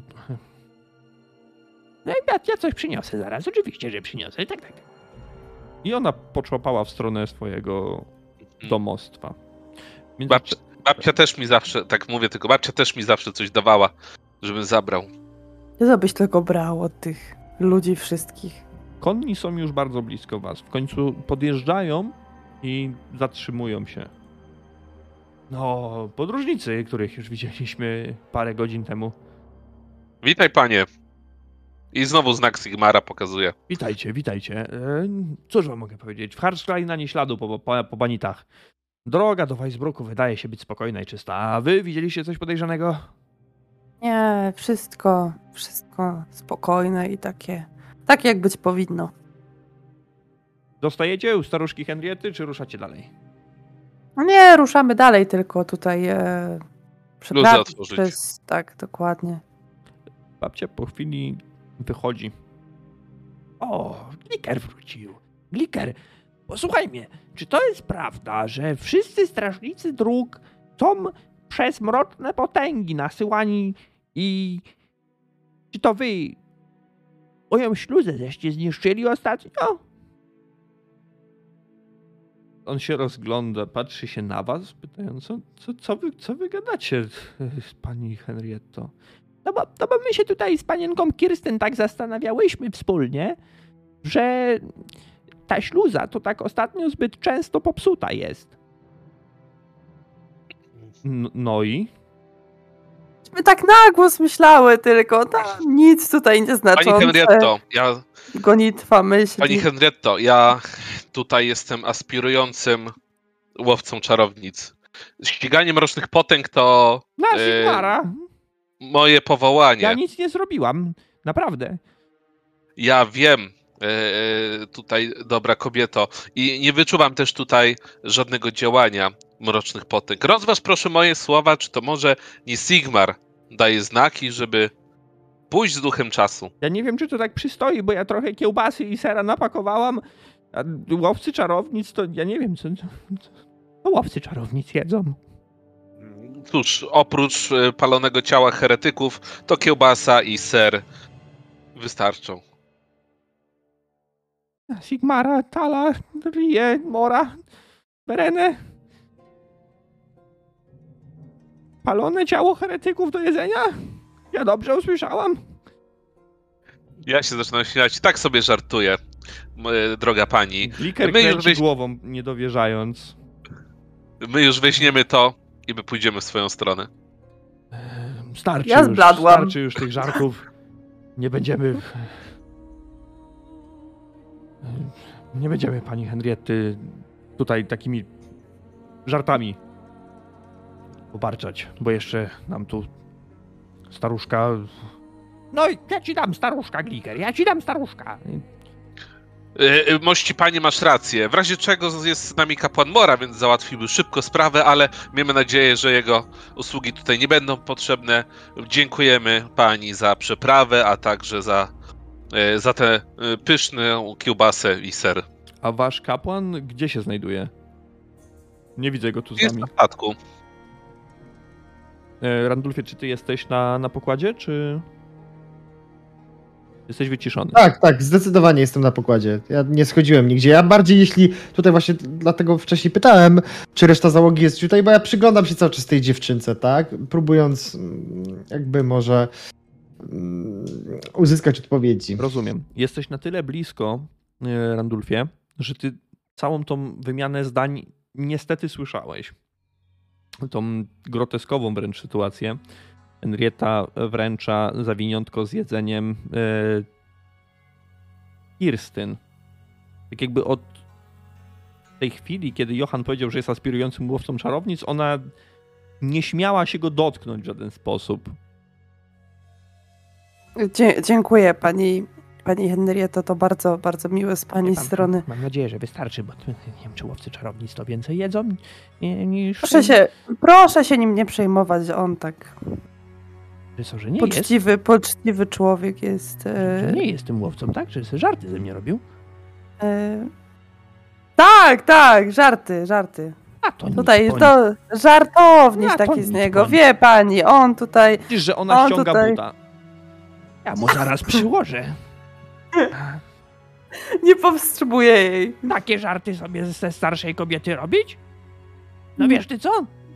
No, podchodzi do Johana i strzela ci takiego po prostu laczka w tyłek. Mhm. A już ci, już. Wynocha. Dobrze, kobieto, uspokój się. Johanie na barkę w tej chwili. No ja, ja już tam nie, nie dyskutuję z nią, tylko tam odchodzę w stronę, w stronę barki. Józef, bez takich żartownisiów mi tutaj następnym razem. No, Henrieto, uspokój się. Przecież to wstyd przed kapitanem, przed, przed, przed sierżantem. Ja tak-. Mruczę tylko pod nosem, odchodząc, może nie dożyjesz następnej naszej tutaj wizyty. E, I idę. Pani, wracacie na pokład. Na Berebeli. Razem z Józefem, kiedy woda znów się spiętrza. Śluza otwiera się, a wy wypływacie na kolejną część kanału Weisbrudzkiego. Zapakowane mieliście nieco jadła, nieco sera, jakieś kiełbasy, jakaś wędlina, chleb się ostał. Zdecydowanie. E, Johan, ty masz tą paczuszkę w kieszeni. E, Ja już zacząłem jeść tą kobasę, co podarowała, podarowała Henrietta. Tak? Jak ją zjem, to wyciągam tą paczuszkę z kieszeni i rozwijam, chcąc sprawdzić, co tam jest. E, Jak powiedziała Henrietta, dostałeś e, specjał z zieleniska. Jest to tytoń. Mhm. Rozumiem, że tak e, metagamingowo w świecie Warhammera żuje się tytoń, pali się raczej tytoń. Jedno i drugie. Okej, Ona, ona widziałeś, że sobie pykała z fajki. Ona miała fajkę swoją. dobrze.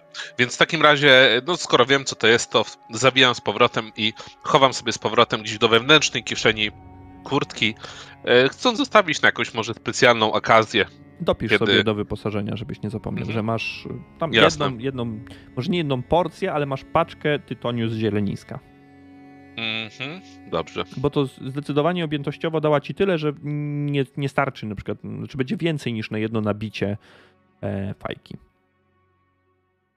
Metagamingowo y, jesteśmy w takim miejscu, że tylko słyszą nas osoby na barce, czy ona dalej nas słyszy Nie, nie, wy, wy, i... wypłynęliście, to już oczywiście wypłynęliście, Mhm. zostawiliście Harchklein daleko za sobą, oddział e, sierżanta Glikera, mm, Henriette. Jesteście tylko wy, Józef, Wolmar, Hilda, Elsa, gdzieś tam się krzątają oczywiście. Dobra. Ja bym chciała podejść taka bardzo zdenerwowana do, do, do Johana. Ty pusty dzbanie. Masz zamiar tak na lewo i prawo rzucać, że jesteś aspirującym łowcą czarownic? Przecież dobrze wiesz, co się wydarzyło w dokach w Waldorfie. Zaraz nas po prostu wezmą na jakieś przesłuchanie i, i skażą nas. Ty, ty się zastanów, co ty robisz. Ty możesz tak ludziom od Mhm. tak mówić, że jesteś łowcą czarownic. No tak, Przecież tam widzisz, jak, oczywiście. jak aspirują. lepiej. y, No tak, oczywiście, lepiej powiedzieć, że tutaj dowódca straży ma konszachty z mrocznymi potęgami. To jest o wiele lepszy pomysł, O wiele y, lepsze Kirstyn. Niż po prostu tutaj rzucanie, że jest siłowcem Mhm. czarownic. Widziałeś, widziałeś, co się stało, jaka grubowa cisza została. Gdy cię powiesili na drzewie, to zobaczymy, co by było lepsze. Żeby Za... ciebie zaraz nie powiesili na drzewie. Ja tak- odchodzę oni już, tak zawsze, ignorując. Randulfie, widzisz, że Wolmar jest obok ciebie, kiedy oni zaczynają się na siebie wydzierać na barce. Mm.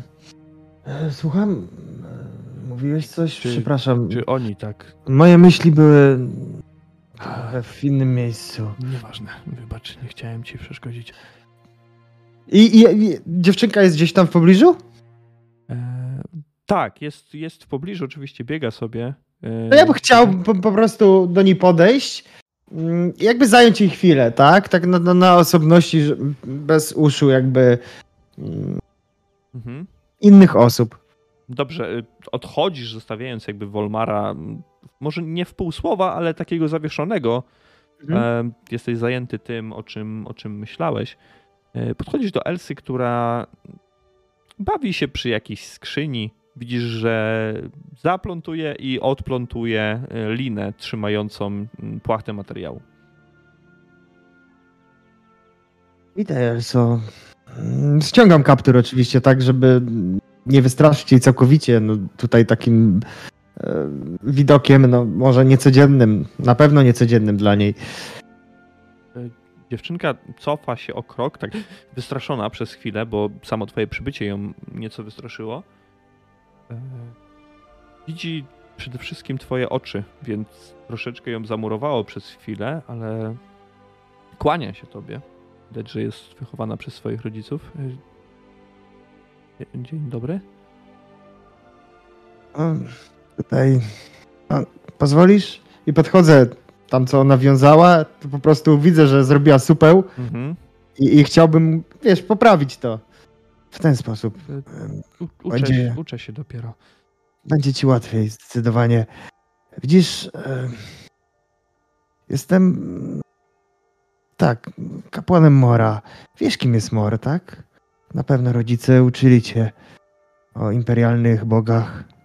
Tak, Czulek Mor. Y, y, on, y, on, y, on się martwi o nas i opiekuje się, y, jak kogoś już nie ma tutaj z nami. I na przykład tak się opiekuje. Y, babcia i dziadek do niego poszli. Z pewnością trafili wprost w jego bramy. On jest Widzisz- dobry, tak? Mhm, Tak, na swój sposób jest dobry. To po śmierci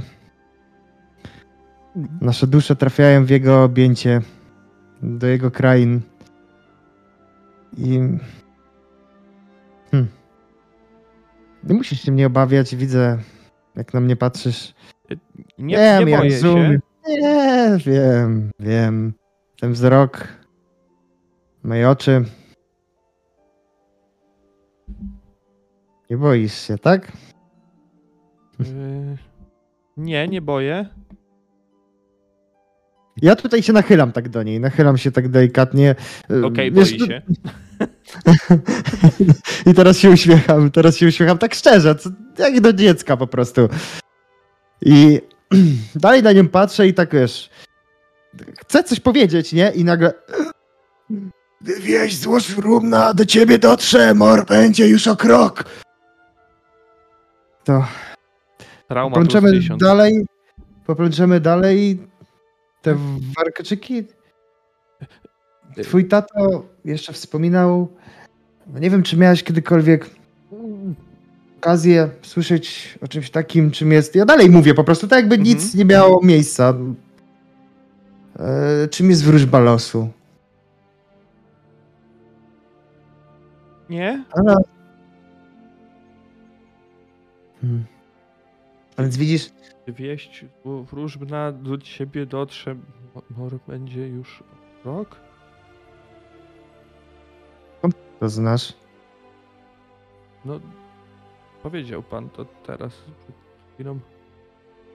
Ja się momentalnie prostuję, wiesz, na równe nogi. Co to znaczy? I- Znaczy, ona się pyta, tak? Tak. Rozumiem. To jest. To jest. To jest prawdopodobnie twoja wróżba losu. Wróżba losu to. Ona zaczyna ją powtarzać, tak po cichu słyszysz, jak ona to powtarza, ale tak jakby chciała zapamiętać. Zapa- Wieść tak. Zapamiętaj i tego się wystrzegaj. Albo przyjmij to po prostu. To była ta wieść złowróżbna? Nie, nie myślę, że nie. Na, na pewno nie. Nie, myślę, że teraz nic ci nie grozi. Ale wrócimy jeszcze do rozmowy. Na pewno będziemy mieć jeszcze okazję, by zamienić ze sobą słowo. Ja muszę, ja muszę do mamy. Tak, oczywiście, idź, idź. Dziewczynka odbiega momentalnie. A ja, ja też odchodzę, taki naprawdę zmieszany całkowicie. I drżącymi dłońmi łapię po prostu gdzieś tutaj mm, burtę, czy, czy jakikolwiek taki element, który będzie najbliżej, najbliżej, którego można się oprzeć i czując, że po prostu, no, jest mi troszeczkę słabo, tak, nawet. W porządku. E, opierasz się o burtę widzisz mm, zerkając na bok, widzisz Wolmara, który spinał się teraz tylko na pewną wysokość na maszt. Wasze spojrzenie potyka się tobą. On widzi może nad wyrost, ale widzi, że coś może jest nie tak, bo odszedłeś wtedy. Teraz jesteś dość roz, roztrzęsiony, chociaż ciężko jest to po tobie poznać. Albo ci się przywidziało z tej odległości, ale raczej nie. Widzisz tylko takie kinienie głową w twoją stronę i mężczyzna wraca do, do pracy. Tak Ja jakby- również odpowiadam mu tym samym, tak, żeby jeszcze potwierdzić może. Tak jakby zrozumiał, chociaż tego, chociaż tego nie widział, bo dałbyś sobie rękę uciąć, że byliście sami, ty i Elsa tam w tym zakonie. Wiesz, ja sam nie rozumiem, sam nie rozumiem, Oczywiście. ale, ale myślę, że, że on e, może właśnie już wiedzieć, co jest dla mnie dużą ulgą jakby, bo Jest to zrozumiałe jak najbardziej. Trzy dni podróży. Przed wami. Nocami barka cumuje przy przystani i korzysta z dobrodziejstwa licznych gospod. Można odpocząć, ogrzać się w cieple paleniska, popić piwa, spróbować miejscowych przysmaków, dziczyzny, ryb. E, Józef nie garnie się do tego, żeby opłacać wam noclegi w karczmie, ale jeśli ktoś będzie naprawdę na to mocno nalegał, to jest w stanie, może odciągając coś z wypłaty tej późniejszej, mm, zapłacić wam za wikt i opierunek w karczmie. Johanie, ty będąc wciąż pod opieką gildy, możesz sobie przywrócić mm, żywotność do początkowego stanu. Nie wiem, czy ktokolwiek z was inny jeszcze stracił jakiś punkt, raczej nie, raczej tylko, raczej tylko Johan. E, Masz już maksa, naturalnie. Mhm. E, Załatwimy to dość szybko, przeskoczymy tę scenę, ponieważ przez te trzy dni odwiedzacie różne miejsca, różne przybytki. Jesteście w stanie zasłyszeć mimochodem jakieś e, plotki. Więc proszę was wszystkich o test plotkowania, po prostu zwykły test plotkowania.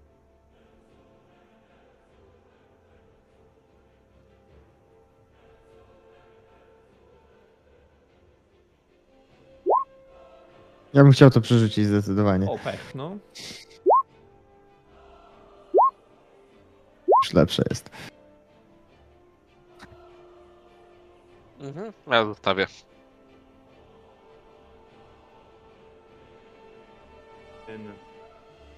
Jeden test. Więc Kirstyn, poproszę ciebie o wybranie numeru od 1 do 8. Siedem. 7. Kirstyn, ty jesteś obeznana z różnymi przesądami, powiedzonkami, legendami, podaniami i w sumie w, o, w ucho, chciałem powiedzieć w oko, w ucho wpadło ci kolejne z nich, które rozpowiadali, rozpowiadali ludzie. E, Może nie było to powiedzonko, ale raczej jakiś zabobon, który mówi o tym, że jeżeli zobaczysz wronę, musisz ją złapać i przybić do żerdzi w płocie. Czy nie wiesz, że wrony są szpiegami mrocznych bogów?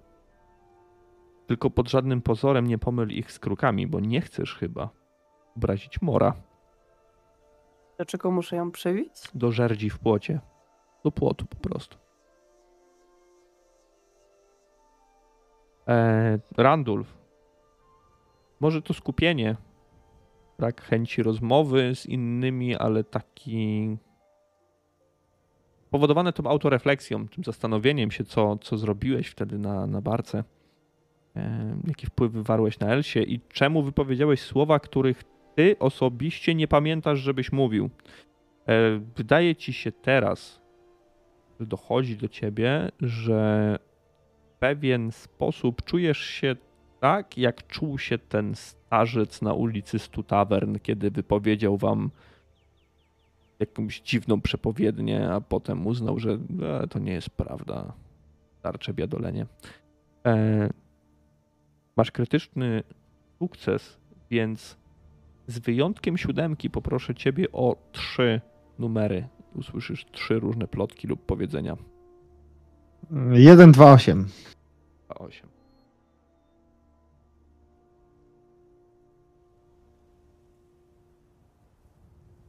Podobno na niebie nad miejscowością Lachenbach widziano kometę o dwóch warkoczach. Nigdzie indziej, tylko tam. A pojawienie się komety o dwóch warkoczach, o dwóch ogonach najczęściej świadczy o wielkich, często złych niestety wydarzeniach w danym miejscu, czy też w imperium. Mimo wszystko kometa o dwóch ogonach jest ym, symbolem imperialnym, ale często pojawianie się jej towarzyszy złym wydarzeniom. Na rzece Bygen roi się natomiast od mutantów, tak głosi jedna z plotek. W zeszłym miesiącu aż trzy barki poszły na dno niedaleko zamku Grauenburg. Grauenberg, przepraszam. Graf musi zdecydowanie dawać więcej pieniędzy na strażników rzek, ponieważ to strażnicy są w stanie ochronić społeczeństwo. Jeden z y, lokalsów rozpowiadający informacje w kolejnej skarczm opowiadał o tym, że widział cały regiment najemników Trotta maszerujących na południe w kierunku Schraubwaldu. Coś złego musi się dziać w Forberglandzie, Forberglandzie, przepraszam, w jednej z prowincji imperialnych. Ech, prawda to, źle się dzieje w Forberglandzie. Niedawne przymierze między rodami Trott i Jungfreud doprowadziło do poważnego wzrostu niepokoju w rejonie Ubersreiku. Takie rzeczy zasłyszeliście. Trzy dni podróży barką rzeczną dają się we znaki takim szczurom lądowym jak wy. Może i w, w kanale nie ma tyle bujania, kołysania i szarpania co na otwartych wodach, ale nie ma też za bardzo co robić. A wy przywykliście do innych zadań niż ciągłe napinanie lin, przenoszenie skrzynek czy pomoc w gotowaniu. Kirstyn, chyba żadne z was, ale Kirstyn zdecydowanie nie narzeka, Kirstyn chce się czuć e, potrzebna. Natura jej też e, podpowiada, że pomoc przyjaciołom, pomoc bliźniemu jest jak najbardziej wskazana. Może to też fakt, że chce niejako wymazać cudzysłowie winy wydarzeń, które miały miejsce parę dni temu. Im więcej czasu mija, tym łatwiej się jest pogodzić z niektórymi rzeczami, ale niecały tydzień to zdecydowanie za mało, aby puścić niektóre rzeczy w niepamięć. Gwar miasteczka dobiega do waszych uszu, kiedy tylko zbliżacie się w stronę przystani. Na nabrzeżu dokerzy uwijają się w pocie czoła, przeładowując towary. Kapitanowie wykrzykują rozkazy, a podróżni mogą w końcu wysiąść i zaznać przyjemności stałego lądu. Huk dzwoniących narzędzi niesie się od strony zabudowań. Najpierw wzdłuż kanału, ale później także i rzeki. Poczęły ciągnąć się liczne magazyny, a zapach ciągnący od nich był mocno metaliczny. To magazyny żelaza i węgla z okolicznych kopalni. Tam. Tam, o, te magazyny pełne wina i wełny z Wygenhafen i innych dóbr prosto z Altdorfu, ale też Karoburga i kanałów Forberglandu. E, Zapłaciliśmy już my to, e, więc przepłynięcie ostatniej śluzy i zacumowanie nie, nie będzie żadnym problemem. Oczywiście mówi Józef w swoim stylu. Rzeczywiście, pokonanie ostatniej przeszkody jest proste i w końcu Berebeli wypływa na szerokie wody rzeki. Zostawiacie kanał w końcu za sobą. Tutaj szeroka barka nie jest czymś dziwacznym. Widzicie, jak w górę i w dół rzeki transportuje się liczne towary na barkach, często większych niż Berebeli. Tawerny na brzegu zachęcają podróżnych do wstąpienia w swe progi i wychylenia kilku głębszych. Pamiętam parę lat temu, jak Weisbruck był zapuszczoną dziurą. Rozwija się to teraz bardziej niż sama stolica. E, Co by nie mówić. e, Co by nie mówić o gruberach. Tacy e, nowi wśród szlachty to łeb na karku mają, powiadam wam. Pieniądzem obraca, obracają i robić go potrafią. Mówią, że 100 lat temu to była tylko wioska rybacka, a tu widzicie, otworzyli kanał, połączyli zyski z kopalniami na wzgórzach Skag i od miasto jak w mordę strzelił. Bardzo interesujące, Józefie, co opowiadasz, a powiedz, kiedy będziemy mogli zatrzymać się w jakimś porcie tutaj, pomimo, że tak, nie wiem, czy Kirsten gdzieś stoi obok, czy nie. Ym, Jeżeli nie, no to pomimo, że Kirsten jest jaka jest, dalej. to bełty jej się przydadzą do obrony jednak, w razie czego, bo tutaj mm, to chyba może, no nie wiem, co słyszałem, y, jak, nie wiem, czy to Kirsten, czy to Randolph mówił, że słyszeli gdzieś, że banici grasują i tak dalej.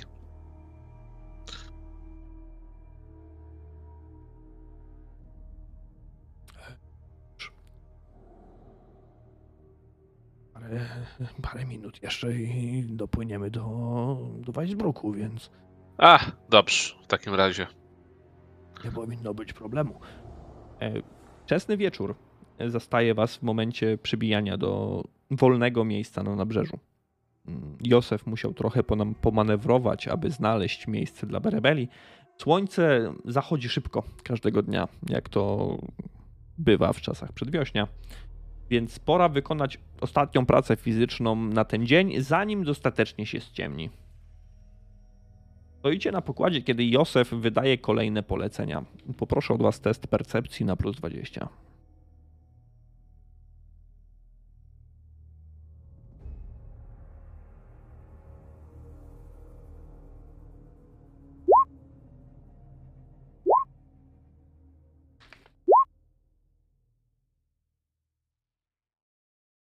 Co my tu mamy?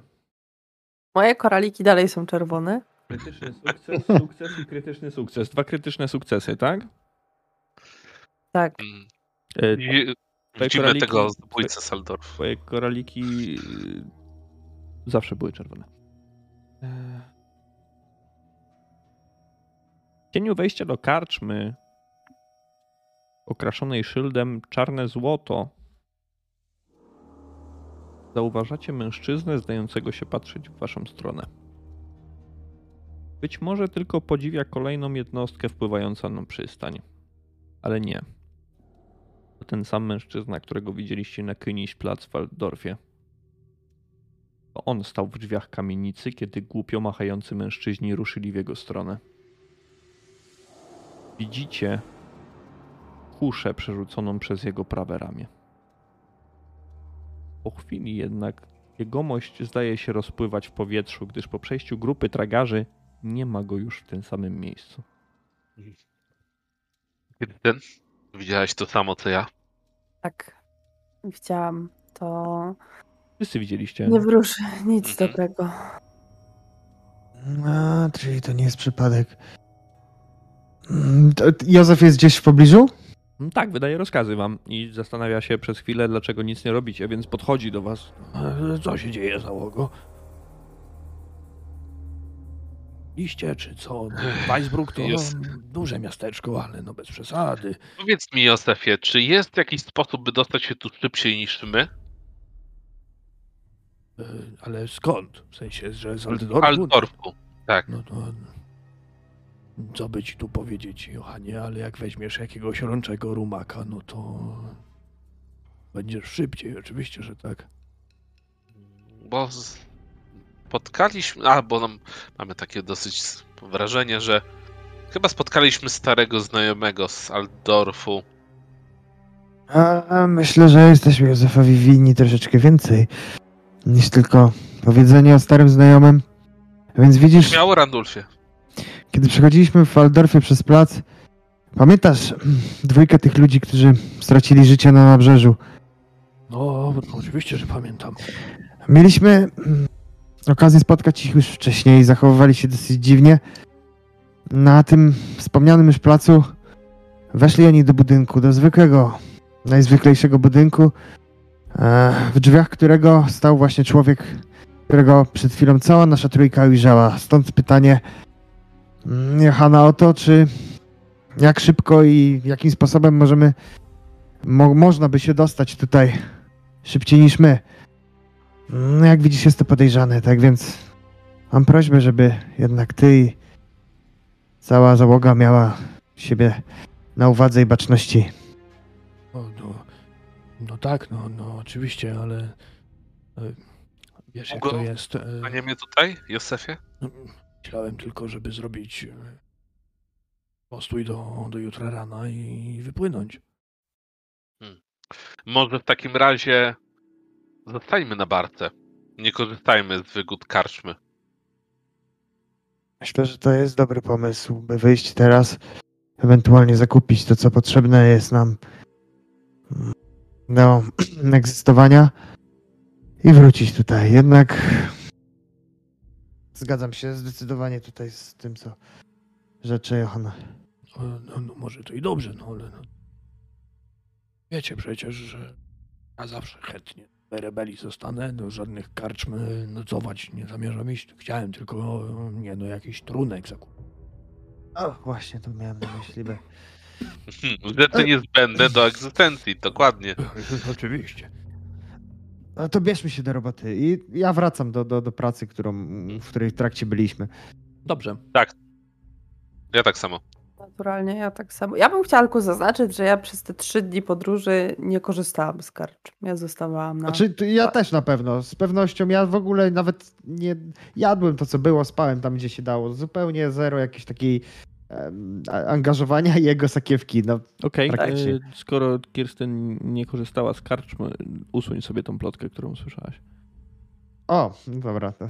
E, ale mm, Czy może, jeśli chodzi o nocleg, tak, to że zajść Tak, do karczmy jak najbardziej mogliśmy, tak? Przykładowo, no nie wiem, Zmieniacie Tak. zeznania teraz. choćby nawet do towarzystwa, tak? towarzysko, tak, na pewno chodziliśmy z Zdecydowanie chodziło o Johan, nocleg. e, z Johanem, tylko z, z Józefem. No Józefem. pewno chodziliśmy. A ja Tak, chciałem powiedzieć, że Johan postawił Kirsten nawet jakiś kufelek czy coś, ale jak Kirsten Na nie zgodę. chce, to... Na zgodę, na zgodę wypiję. Dobra. To nie usuwajcie. Niech będzie. E, jakiś czas, paręnaście minut ko- kolejnych, e, zajmuje wam już takie oporządzenie barki, zacumowanie jej, zabezpieczenie w każdy możliwy sposób. E, Józef rozmawia z, e, chciałbym powiedzieć urzędnikiem, ale z jakimś dokerem po prostu. O tym co, jak i gdzie. I prawdopodobnie dogaduje też szczegóły jakiejś pomniejszej sprzedaży tutaj w Weisbruku, kiedy wy możecie wyjść na, na stały ląd.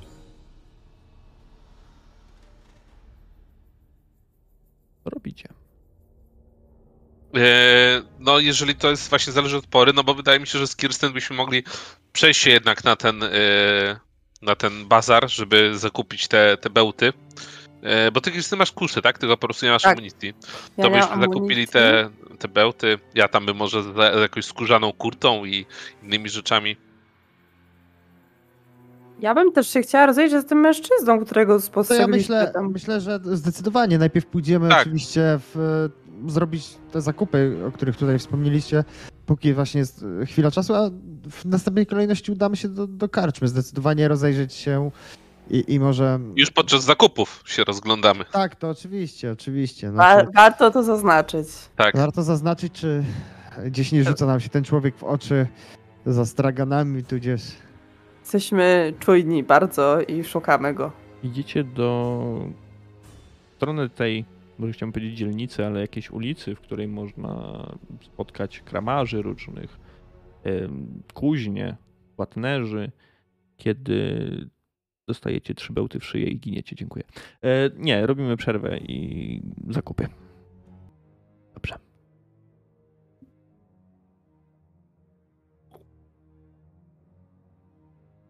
Ile wam zajęło?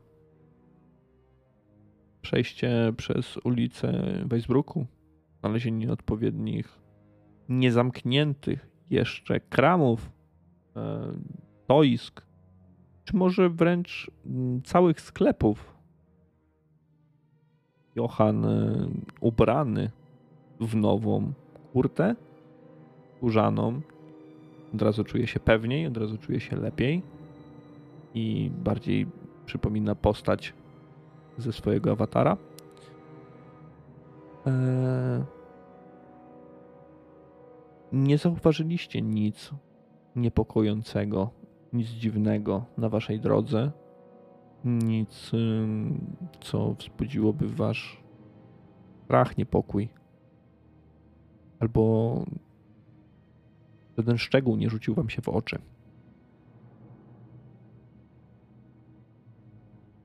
Chodziliście jeszcze trochę przez przez Weisbruk, kiedy zapadła powoli, ale jednak zapadła ciemność nad miastem. Józef poszedł sam, aby zakupić jakieś wino, może coś do jedzenia, zostawiając opiekę nad Berebeli Wolmarowi i Gildzie oraz małej Elsie, która od paru godzin stała się dużo mniej rozmowna.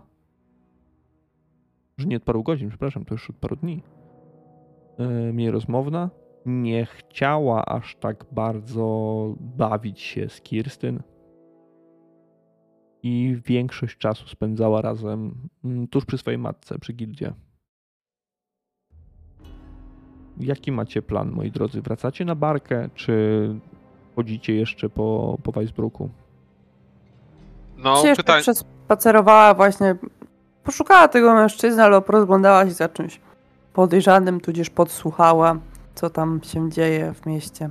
Jak Jeżeli- ludzie Tej karczmy po prostu. Właśnie, jeżeli. Krystyn ma taki plan, to oczywiście raczej nie chcemy się rozdzielać, ale po drodze już wydaje mi się, że jak tam pochodziliśmy, rozglądaliśmy się, wiadomo, że serce pewnie miasteczka gdzieś na jakimś takim ala targowisku może bić, albo właśnie przy karczmach, to z powrotem jak już wracamy na barkę, no to żeby mm, można było zwilżyć sobie czymś mordę na, na statku, coś właśnie wziąć, no i się rozglądamy też, czy gdzieś może tego mężczyznę zobaczymy, czy nie. Tak mi się No wydaje jeśli, przynajmniej. jeśli, jeśli do tego pijecie, no to jedynie okolice karczmy Czarne Złoto wchodzą w grę, bo to tam w cieniu tej karczmy widzieliście tego mężczyznę, który się patrzył w waszą stronę. Chodzenie po Weisbruku wiele nie dało, co, o czym się już przekonaliście. Kirstyn rzuciłaś jeszcze ten pomysł i wracając oczywiście mm, rozglądaliście się, to już troszeczkę przypomina paranoję, ponieważ wszędzie chcecie widzieć coś podejrzanego, ale po wydarzeniach ostatnich dni jest to jak najbardziej zrozumiałe zachowanie. Ponieważ co rusz, co krok znajdujecie jakąś nową rewelację, coś dziwnego spotyka właśnie was, tylko was. Karczma Czarne Złoto to jedna z nabrzeżnych karczm, w której stałymi bywalcami obok dokerów i marynarzy są także strażnicy miejscy. Wydaje się to być typowa, kolejna karczma, jakich wiele napotykacie i napotkaliście już na swojej drodze. Jednakże ta pozbawiona jest typów spod ciemnej gwiazdy, których prawdopodobnie skutecz, skutecznie pozbyła się Straż Miejska albo zastąpiła ich sobą. Chodzicie do środka, kiedy wi- większość, praktycznie nikt nie zwraca na was y, uwagi. Ludzie siedzą, rozmawiają ze sobą. Ogień w palenisku e, strzela. Barman podaje kolejne piwa, kolejne trunki, a wśród stolików przechadzają się czy to kelnerzy, czy to kelnerki. Karczma Czarne Złoto jest dość duża. Nie spodziewaliście się, że ten przybytek jest aż tak duży. Dodatkowe schody na piętro prowadzą prawdopodobnie do jakichś pokoi gościnnych. Wspólna sala jest wypełniona ludźmi. Jest to duża karczma, która z pewnością mm, przykuwa uwagę wszystkich cumujących w tej części nabrzeża Weisbruckiego. Yy, A wy mieliście to szczęście, że znaleźliście miejsce tuż vis-a-vis drzwi tej karczmy. Jeżeli jesteśmy przy kontuarze, mm, to do barmana, do karczmarza, do kogoś, kto, kto polewa, chciałbym położyć jeden shilling i zapytać się, e, mości, nie wiem, tam jest barman, karczmarz, mości karczmarzu. Powiedz mi proszę, czy widziałeś tu może taką osobę, która się kręci? Chcę opisać mu y, tego faceta, którego widzieliśmy. Tyle, co udało nam się zauważyć. E, Stoisz przy kontuarze. Mężczyzna zastanawia się przez chwilę. No, hmm. No był tu taki, no, to prawda. Ale nie zatrzymał się w mojej karczmie. Przybył wczoraj w nocy, późno. Podobno to jakiś łowca nagród. Sam? Mhm. Ło- łowca nagród. Tak słyszałem. Ale czy sam był? E, sam, tak, sam przybył. Ciekawe. Nie dosłyszałeś pe- pewnie żadnego imienia. Nie, nie. Nie Imieniem się. się. imieniem się nie przedstawił, z tego co pamiętam, a pamięć mam dobrą. E, kazał jedynie przekazać, że jeśli jakiś partner w interesach by go szukał, to to, że zatrzymał się w karczmie pod trąbką. Gdzie takowa karczma się znajduje? E, karczma pod trąbką to bardziej na, na południe, w głębi miasta, nie na nabrzeżu. Ech, To. Hmm. Dziękujemy e, w takim razie. Do picia coś Karczmarzu? podać, do jedzenia. Tak. E, Weźmiemy tutaj po misce czegoś ciepłego do jedzenia i, i po trzech kuflach piwa.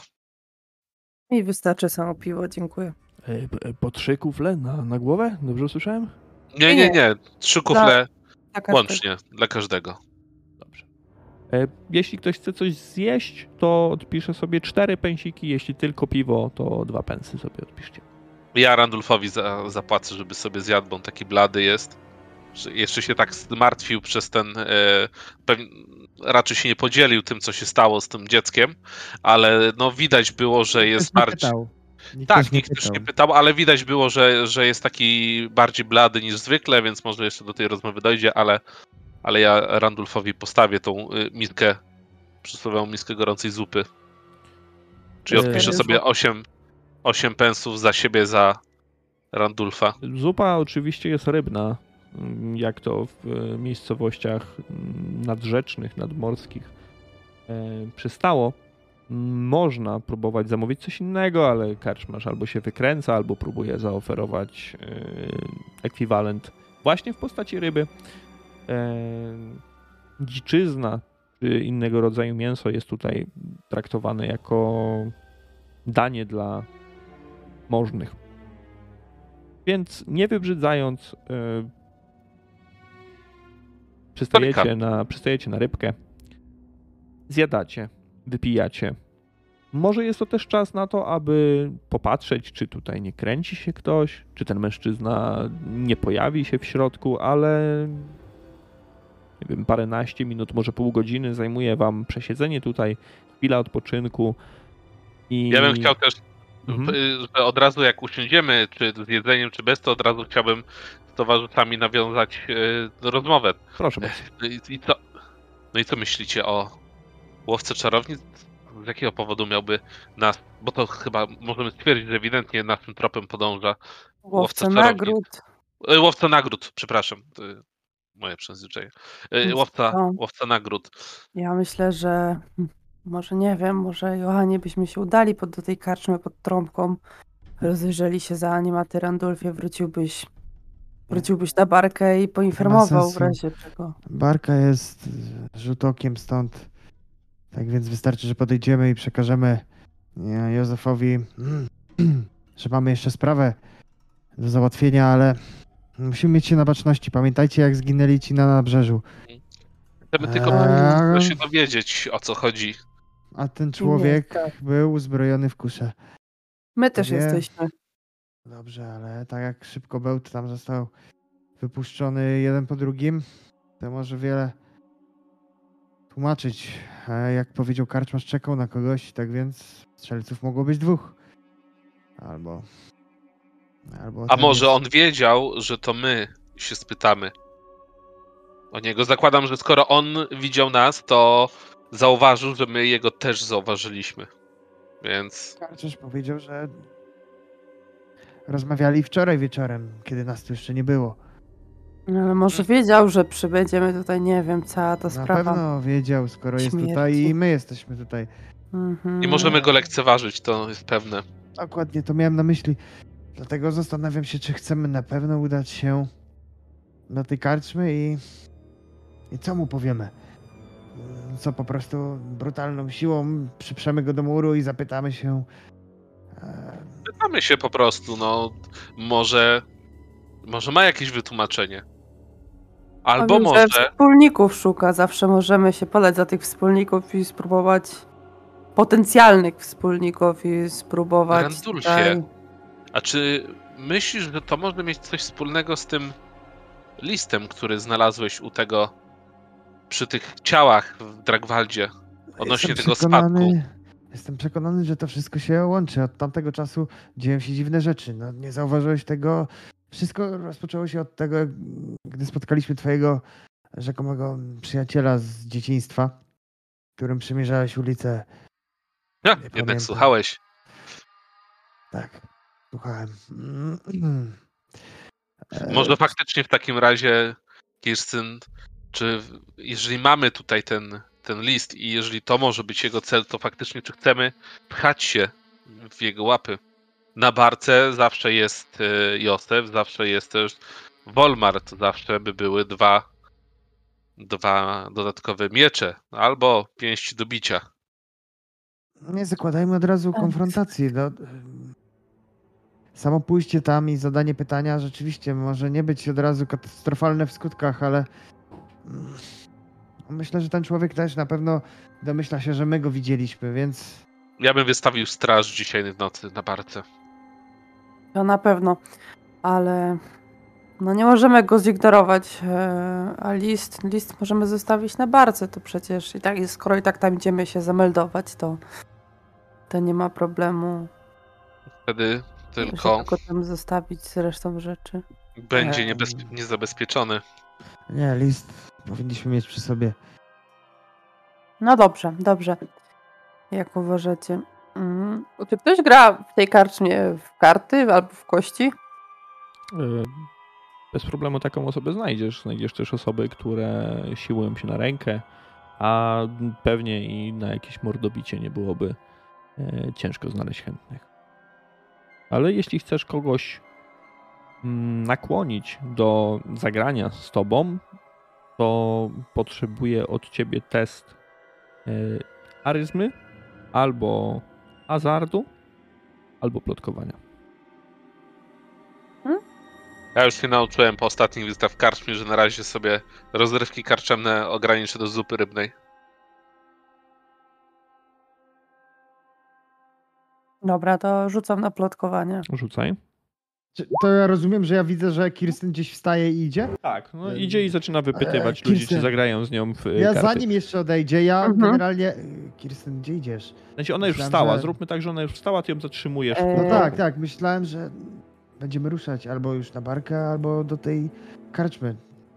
Tak, ale sami tutaj strażnicy nie chcę, żeby było tak, że wyszliśmy i tutaj Zjedliśmy przecież, wypiliśmy. Zjedliśmy, tak, ale podejrzanie to opuszczamy. wygląda. Można wiecie, wtopić się w tłum i może No, czegoś Wydaje mi się, nie- że trwonimy czas tutaj, spędzając na rozrywkach.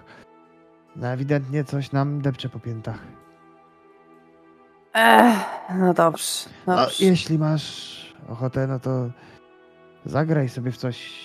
Poczekamy, ale Nie, pomyślałam, że może warto byłoby podczas takiej gry wypytać kogoś tutaj o jakieś informacje. No ale skoro już mamy ruszać, no to, to chodźmy. to co, wracamy na barkę, czy chcecie pójść do tej karczmy pod rąbkami? Decyzja. Mm, To jest Decyzja, kochani. Jeśli to niedaleko, to może warto byłoby zahaczyć o tą karczmę, a No, potem wrócić zdecydowanie. od Tak, razu. dobra, dobra, Dobra. ruszamy po tą karczmę. No. Decyzja Tak. padła. tak.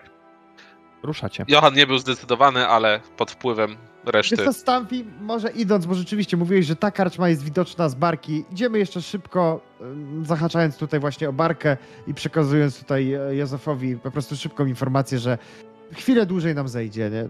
I gdzie Żeby się idziemy? nie martwił. Dobrze, Żeby się nie Józef, martwił. Józef, tak jak e, parę dni temu e, wieczorem, on mimo, że zmrok już zapadł, stoi na rufie, tuż przy sterze i wypatruje, więc kiedy tylko się zbliżacie e, na nabrzeżu, on wychodzi wam na spotkanie, e, zatrzymuje się na trapie, e, kiedy wy wchodzicie na niego.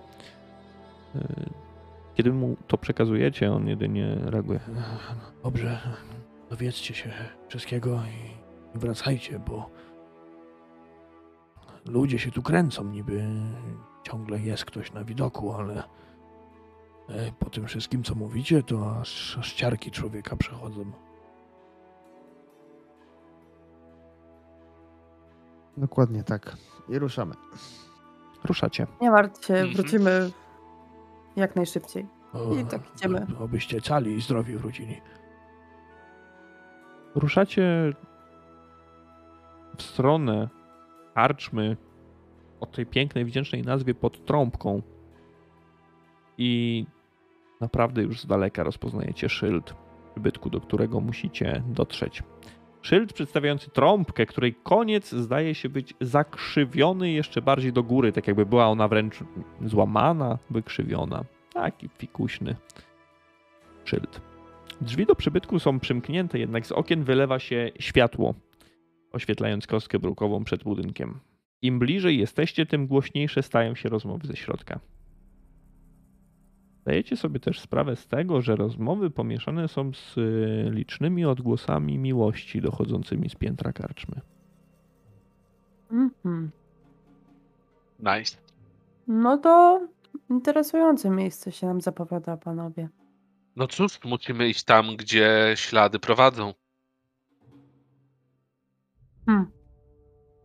Jak, e, ja takie pytanie meta mam, jak e, w miarę, no bo większość e, ludzi Imperium jest pobożna, tak, Sigmarowi, Hmm? jak podchodzą ogólnie Imperium do takich przybytków? Czy to jest coś normalnego, czy wiara tego zakazuje, potępia, Co kraj to obyczaj, mój drogi.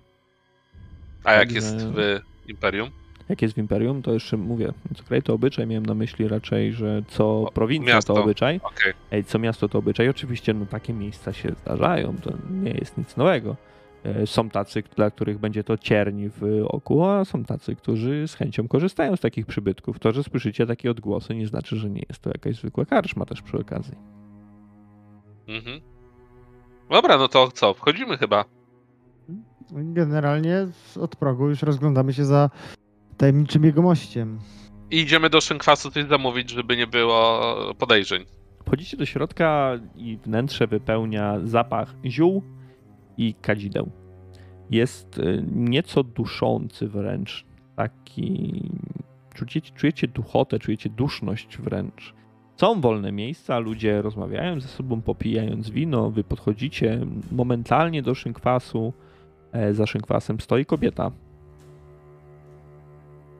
Pani, poprosimy o mm, trzy lampki wina, a także, no i kładę kolejnego szyllinga. Informacje, bo tutaj nasz znajomy mm, partner w interesach na nas miał czekać, no i po raz kolejny opisuje tego No chyba, że go widzimy, tak? jego widzicie go. No, no tak, no to wtedy logicznie. Tak. Dobra, dobra. No ja to tak właśnie. chciała oprzeć e, tak o szynkwas, żeby mieć oko na, na, na, na całą karczmę. E, I no, lustruję tutaj, co się, co się dzieje w środku. E, Dobrze, ja bym prosił od Randulfa i od y, Kirsten y, rzut na percepcję plus 20.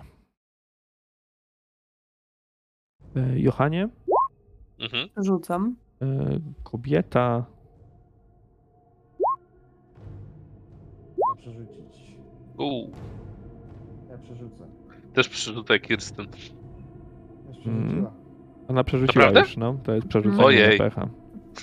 Mroczne potęgi. Nie mam reszty potęg. Przybywajcie. No, nie tym razem. Ten też był blisko pecha.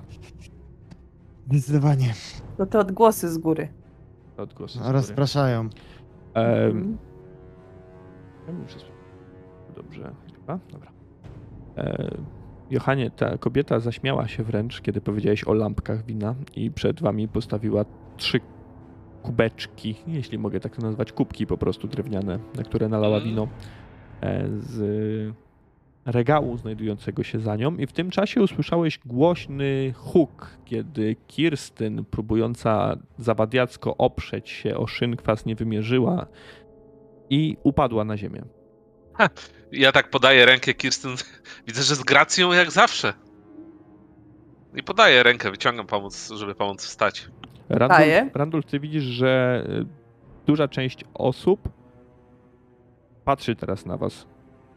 Jeśli chcieliście nie wtopić, znaczy wtopić się w tłum, nie wzbudzać podejrzeń, to kompletnie wam się to nie udało. Patrzą, za chwilę zapomną. Nic nadzwyczajnego nie robimy, więc... Pijany w karcz, pijanych w karczmie jest pełno. Nie wiem, o czym mówisz, o jakim partnerze w interesach, ponieważ potrzebowałabym więcej informacji od ciebie.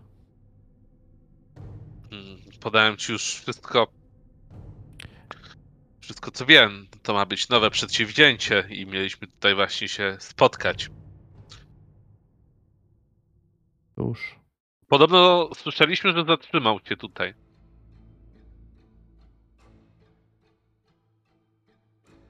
Nikogo takiego niestety nie wiedziałam. Mhm. E, Jedyne, może- co tak sobie przypominam, to to, że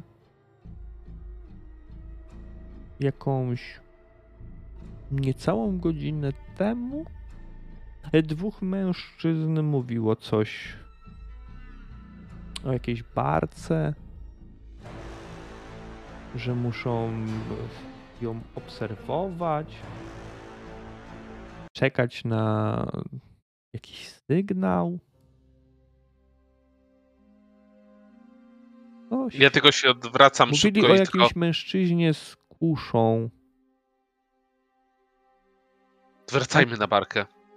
Mężczyzna z kuszą wspomniałeś, a może jego tu widziałeś właśnie. Nie, nie, nie, pamiętałabym. A co mów, co wspominali mężczyźnie z kuszą?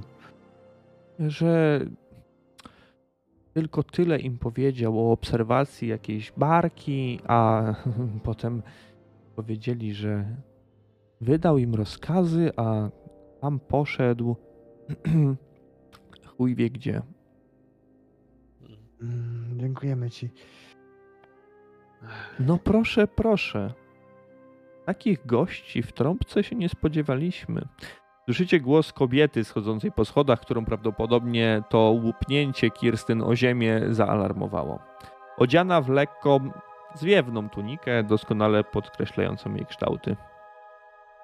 Cóż, rozumiem, żeście strudzeni podróżą i nawet... Hmm, Nawet ktoś taki jak ty musi zaznać nieco uciech, mówi kobieta, stając przed wami, a zwracała się bezpośrednio do Randulfa.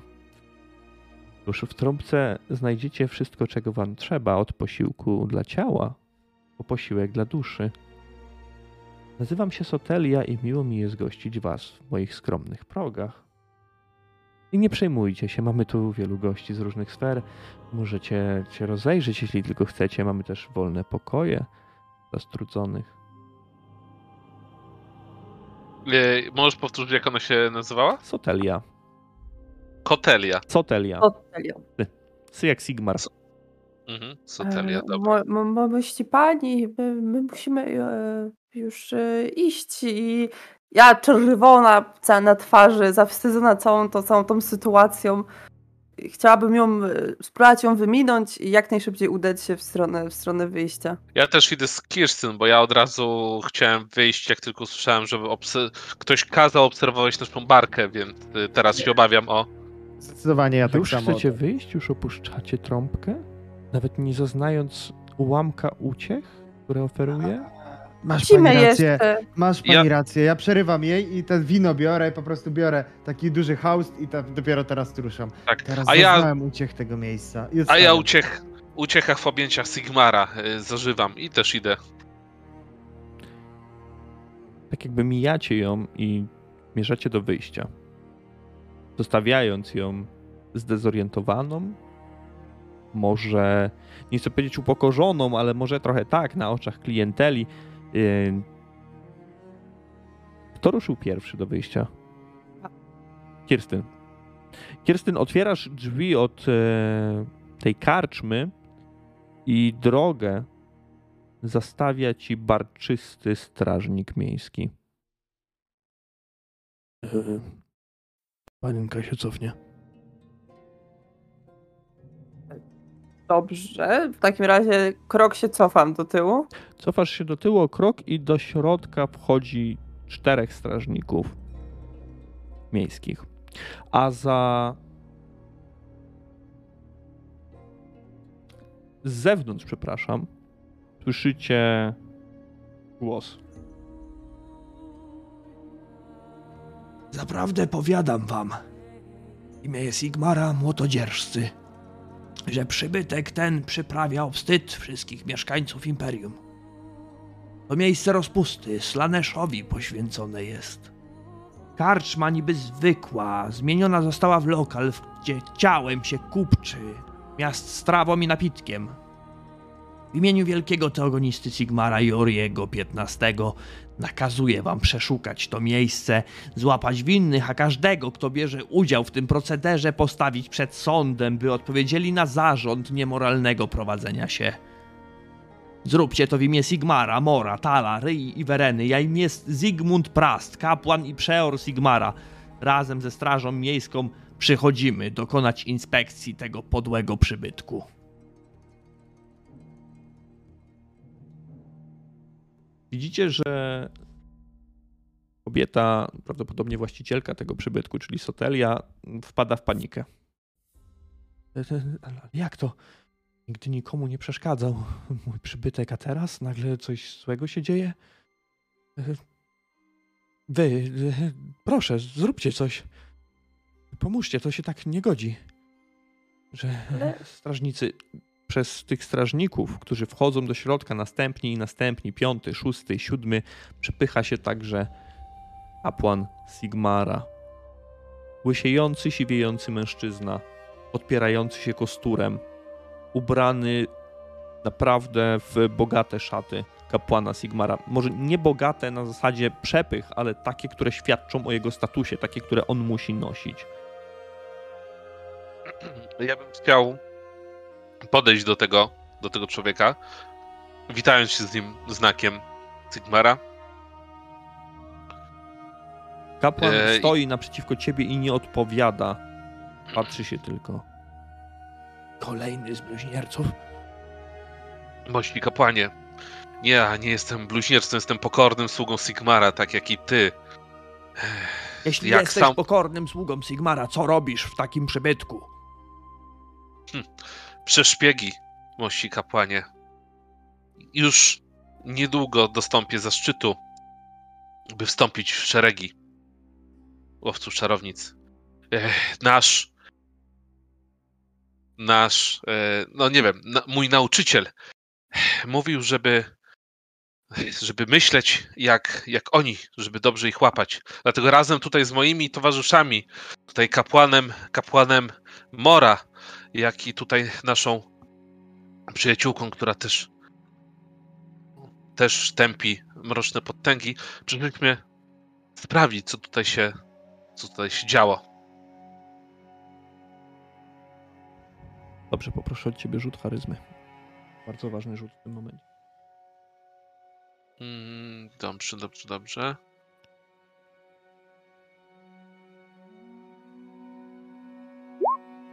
Super, pięknie. Pięknie.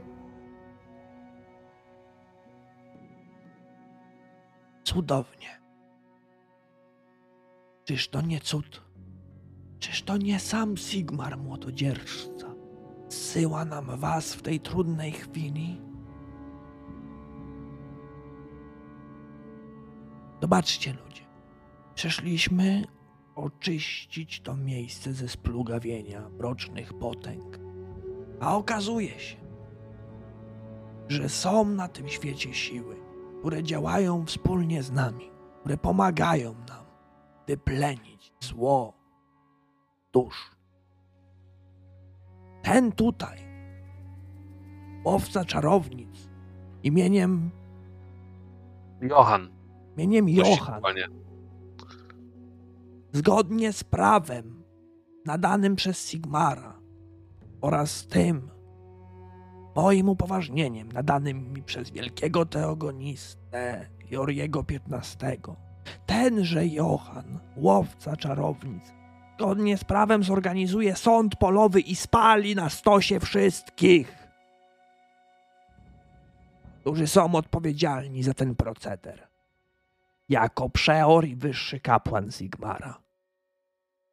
E, Oddaję te mości- śledztwo ręce łowców czarownic, ponieważ tylko oni potrafią do cna oczyścić miejsce ze splugawienia. Szykować drewno na stos. Już!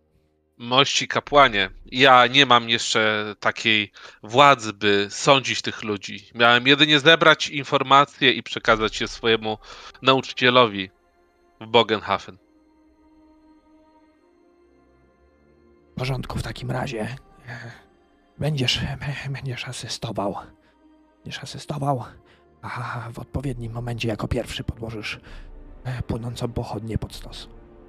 Tak dla zasady, aby tradycji stało się zadość. Przy okazji, e, skoro mówisz, że jest tutaj kapłan Mora, to ostatnią posługę też będziemy mieli załatwioną. Ja, no, a ty, dziewko, kim jesteś? Ja jestem tutaj towarzyszką yy, mości wielkiego łowcy czarownic i kapłana Mora. Stróżuję, żeby na pewno bezpiecznie przez y, szlaki imperialne podróżowali. Dobrze, jeśli spośród e, obecnych tutaj e, zdarzy się, że niestety, ale któryś z wyższych stanem splugawił swoją duszę, to rozumiem, że będziesz tą, która zetnie jego głowę w imię Sigmara. Jeśli przyjdzie taka konieczność. Cudownie. Cudownie niech rozgorzeją stosy, tak jak, kiedyś. Zakłuć w kajdany wszystkich i wyprowadzić. Ja kiedy zamieszanie się robi, Mhm. I to podchodzę do Johana, łapię go tak bardzo mocno, tak żeby nawet paznokcie mu się odbiły, wiesz, tutaj w przegubie dłoni i, i tak przekazuję mu. Pamiętaj, żeby ostrożnie ludzkim życiem szargać. I wspomnij moje słowa, że fanatyzm na pewno tym człowiekiem kieruje. Mhm. Tak, Nie chcesz się taki stać. A widzę, że on dał ci poważne pole do popisu i możliwość osądu. Randulfie, jesteśmy najlepszym sposobem, żeby ocalić życie tych niewinnych ludzi.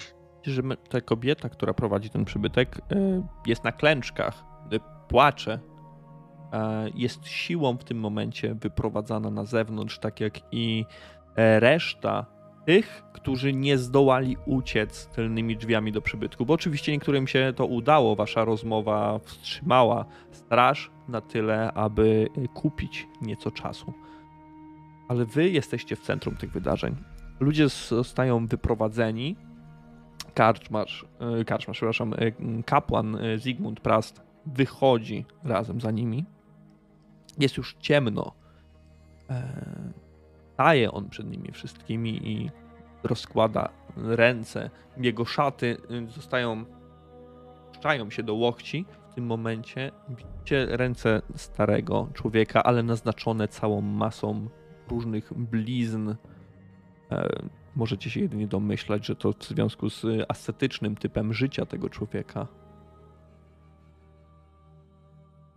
Żadne życie nie może zostać kończone bez sądu, czy to sądu Bożego, czy bez sądu świeckiego. Na szczęście okazuje się, że Sigmar jest nam łaskawy. Oprócz sądu świeckiego będziemy mogli przeprowadzić tutaj także sąd religijny, sąd Boży, który zadecyduje o tym, czy właściciele tego przybytku są przepełnieni plugawieniem, czy też nie. Uważam, że próba ognia będzie najlepszą z prób. Co o tym sądzi wysłannik z Altdorfu, łowca Johan? E, Rozumiem, że próba ognia tak na poziomie meta to jest jak spłonął, znaczy, że są niewinni. Okej. Cóż, e, tutaj, mości kapłanie, wydaje mi się, że próba ognia powinna być zachowana na bardziej poważne występki.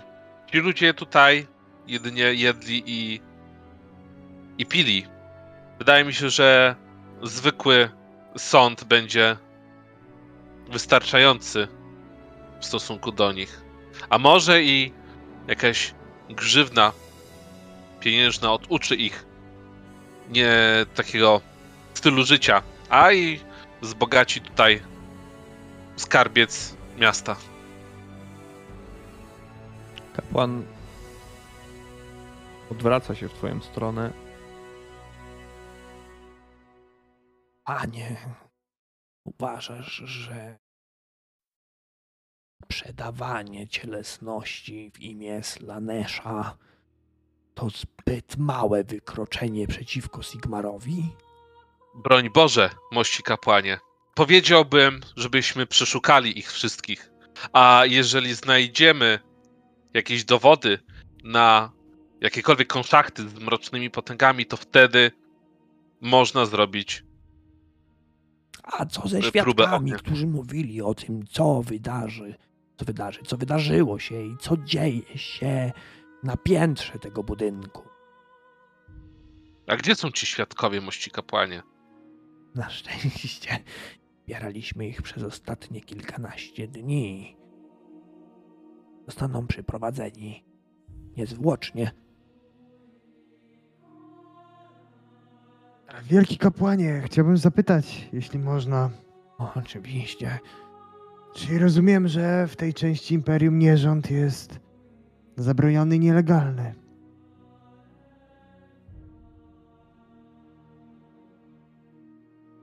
Rząd jest zawsze występkiem przeciwko Sigmarowi i przeciwko Szalini. Tym bardziej, jeśli podszyty jest wezwaniami do mrocznych potęg. A i takie wiadomości do nas pewność? dotarły. A jaka jest pewność, że jest podszyty e, mroczną potęgą, którą wspomniałeś? Mówiłeś o Slaneszu. Gdzie są dowody, że akurat e, nierząd jest skierowany i, i chlubi akurat tego, to paskudztwo? Widzisz, że ten mężczyzna zaczyna się gotować wręcz. Br- bronisz ich? Nie, stwierdzam tylko, że Mor na pewno nie przyjmie do swego królestwa osoby niewinnie spalone na stosie. Jeżeli poza tym tutaj są takie osoby i tak nie zaznają tutaj ukojenia u bram Mora, więc osąd i tak ich spotka prędzej czy później, mości kapłanie. A Stigmar uczył, żeby oprócz walki o honor Imperium też prowadził praworządność. Johanie, miałeś krytyczny sukces wtedy, więc Mhm. nie musisz rzucać drugi raz. Mężczyzna tupie aż ze złości. Uderza swoim kosturem o ziemię. Niech więc i tak będzie.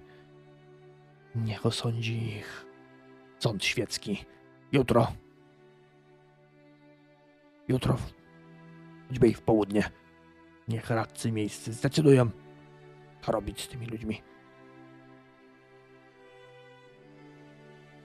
A o was. On wyciąga swój starczy palec w stronę Johana. O was. Em, Napiszę, gdzie trzeba. On on się odwraca i stukocząc kosturem odchodzi. A ludzie, może kilkanaście osób, które zostało złapanych przez Straż Miejską razem z Sotelią, razem z właścicielką tego em, przybytku, zostaje zabranych. I tę noc prawdopodobnie spędzą w miejskim lożku, oczekując na jutrzejszy sąd. Wy jesteście puszczeni wolno, prawdopodobnie przez to, że Johan i Randulf argumentami merytorycznymi, ale mocnymi potrafili wpłynąć na kapłana, który nie oskarżył was konszachty z nimi. Gdyby tak się stało, to ten wieczór, tę noc moglibyście również spędzić w lożku. Ludzie zaczynają się rozchodzić, ponieważ na początku mm, to wydarzenie zwróciło uwagę wielu gapiów. Teraz. Ja tylko- na- mhm. Do reszty chcę powiedzieć, jak tylko będziemy mogli. To Wracamy poczekaj, na poczekaj, poczekaj, poczekaj, tylko skończę. Eee, zostajecie niemalże sami na małym, pustym już placyku przed drzwiami wymkniętymi, ale nie, nie zakluczonymi do trąbki, jak nazywała to Sotelia. Minęło raptem trochę czasu, może maksymalnie godzina, kiedy opuściliście Józefa i Johan słusznie zauważa, że czas wracać na barkę. Tak, e, czym prędzej. I To nawet być taki lekki bieg ja bym, tutaj. ci, ja bym się chciała właśnie puścić biegiem. Z kolei ja się martwię, co, się może, co nas tam może zastać. Ja jeszcze może nawet przed samą barką, gdzieś w jakiejś uliczce zatrzymuję całą naszą tutaj kompanię i chciałbym tak się rozejrzeć właśnie, czy ktokolwiek właśnie nie z brzegu, domostw, jakichś kramów, nie przygląda się tej barce. Albo tak? czy na barce co się dzieje. E, czy To, to na pewno też, to na pewno też, ale to te dwie rzeczy, tak jak tutaj powiedział e, Johan, no i mnie też tak samo. interesuje też właśnie z poziomu tutaj e, budynków, jak będziemy wybiegać, czy, czy ktoś z naszej zarówno lewej, jak i prawej strony gdzieś kawałek dalej, no nie obserwuje, no nie wiem, może Rozumiem, rozumiem, rozumiem, dobrze. się uda. E, Czarne, czarne złoto przykuwa uwagę y, i zaprasza w swoje progi wielu. Więc zarówno w środku, jak i teraz już na zewnątrz stoją jacyś ludzie. Oczywiście, że tak. E, Nie rozpoznajecie wśród nich, czy też w cieniach, o ile jesteście w ogóle w stanie zauważyć coś więcej, e, tego mężczyzny, ani nikogo, kto miałby patrywać się w Berebeli. Jest to normalne, wieczorne, nocne, już mógłbym powiedzieć, życie imperialnego miasta. Na barce wy, wy wychodzicie trochę ze światła, widzicie ciemność, więc nie zauważacie praktycznie nikogo na barce. Na pewno żadnych ruchów, nic tam nie ma. Mat, czekać, ruszajmy. Mam No nadzieję, jak nic nie widzimy, to tak. Dobrze. E, Docieracie na nabrzeże. E, Wchodzicie po trapie na barkę. Jest zacumowana. Liny są przywiązane tak, jak były wcześniej. I kiedy wchodzicie znów na, na pokład, na ten zaciemniony pokład, e, zauważacie, że przy sterze, a nawet za sterem, nieco schowany jest Józef, który prostuje się, kiedy kiedy podchodzicie. O, co, dowiedzieliście się czegoś? Tutaj zdaje się być spokojnie. No, Wyglądacie Mieliśmy- na zziajanych. dowiedzieliśmy się różnych rzeczy, Ach, byliśmy świadkami różnych rzeczy. Powiedz, Józefie, czy nic specjalnego się nie działo przez ten czas, kiedy nie było? Wszystko w Nie, porządku? no, patrzyłem sobie w stronę czarnego złota, a ludzie się tam krzątają. Jest raczej, raczej spokojnie. Powinniśmy ruszać. Teraz. Ale Jak to? Powinniśmy teraz wyruszyć stąd. Jo, Józefie, musisz nam zaufać.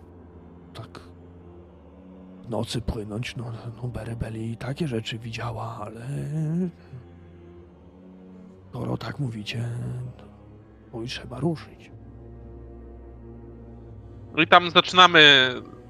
Co tam Józef każe, czy tam odwiązywać te cumy, czy Mhm. nie? I nie, nie zwlekając. I może właśnie w międzyczasie, gdy to robimy, teraz ktoś się zdradzi tym, że, że po prostu zaskoczyliśmy go nawet tą naszą decyzją, żeby, żeby ruszać i no nie wiem, gdzieś tam się puści pędem, coś przekazać. No wiesz o co chodzi, Ja- obserwacja. Ja mu mogę wytłumaczyć, e, dlaczego, skąd ta decyzja. Dobrze, dobrze, dobrze. mu. Kirsten, będziesz mu tłumaczyć. Ja poproszę y, od Randulfa mimo wszystko test percepcji.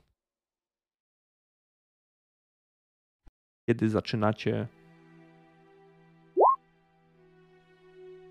odwiązywać sumy. Sukcesik, tak? Dobra. I zaczynacie odwiązywać sumy, podnoszą, podnosić trap, następnie mija trochę czasu, mija parę minut. W tym momencie, Kirsten, ty opowiadasz przy okazji e, Józefowi. E, czy jest coś, czego nie chcesz mu powiedzieć? Czy wszystko mu opowiadasz Mm. jota w jotę, co się działo? Myślę, że mogę mu oszczędzić szczegółów, jeżeli chodzi o trąbkę. Okej, dobra. Ale nie mówisz, że byliście w trąbce, tak?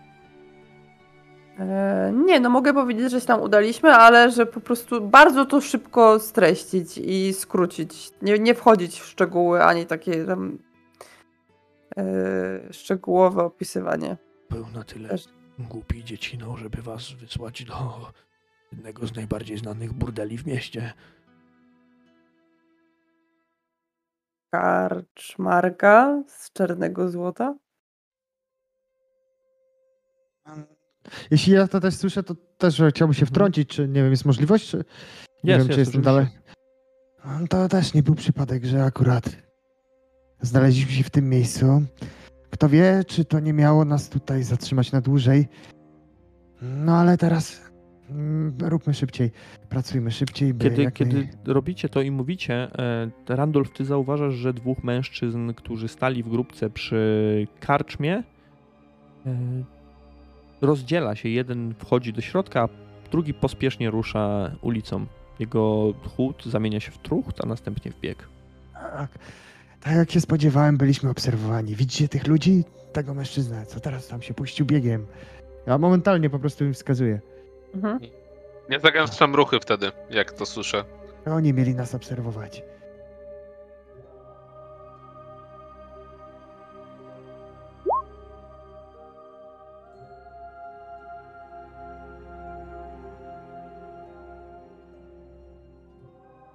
Berebeli jest gotowa do wypłynięcia.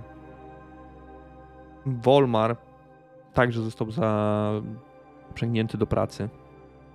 Napinane są liny, postawione żagle i najpierw przy użyciu bosaków, różnych długich drągów odpychacie barkę, pomagacie sobie bardziej w odepchnięciu jej od nadbrzeża, by ostatecznie ruszyć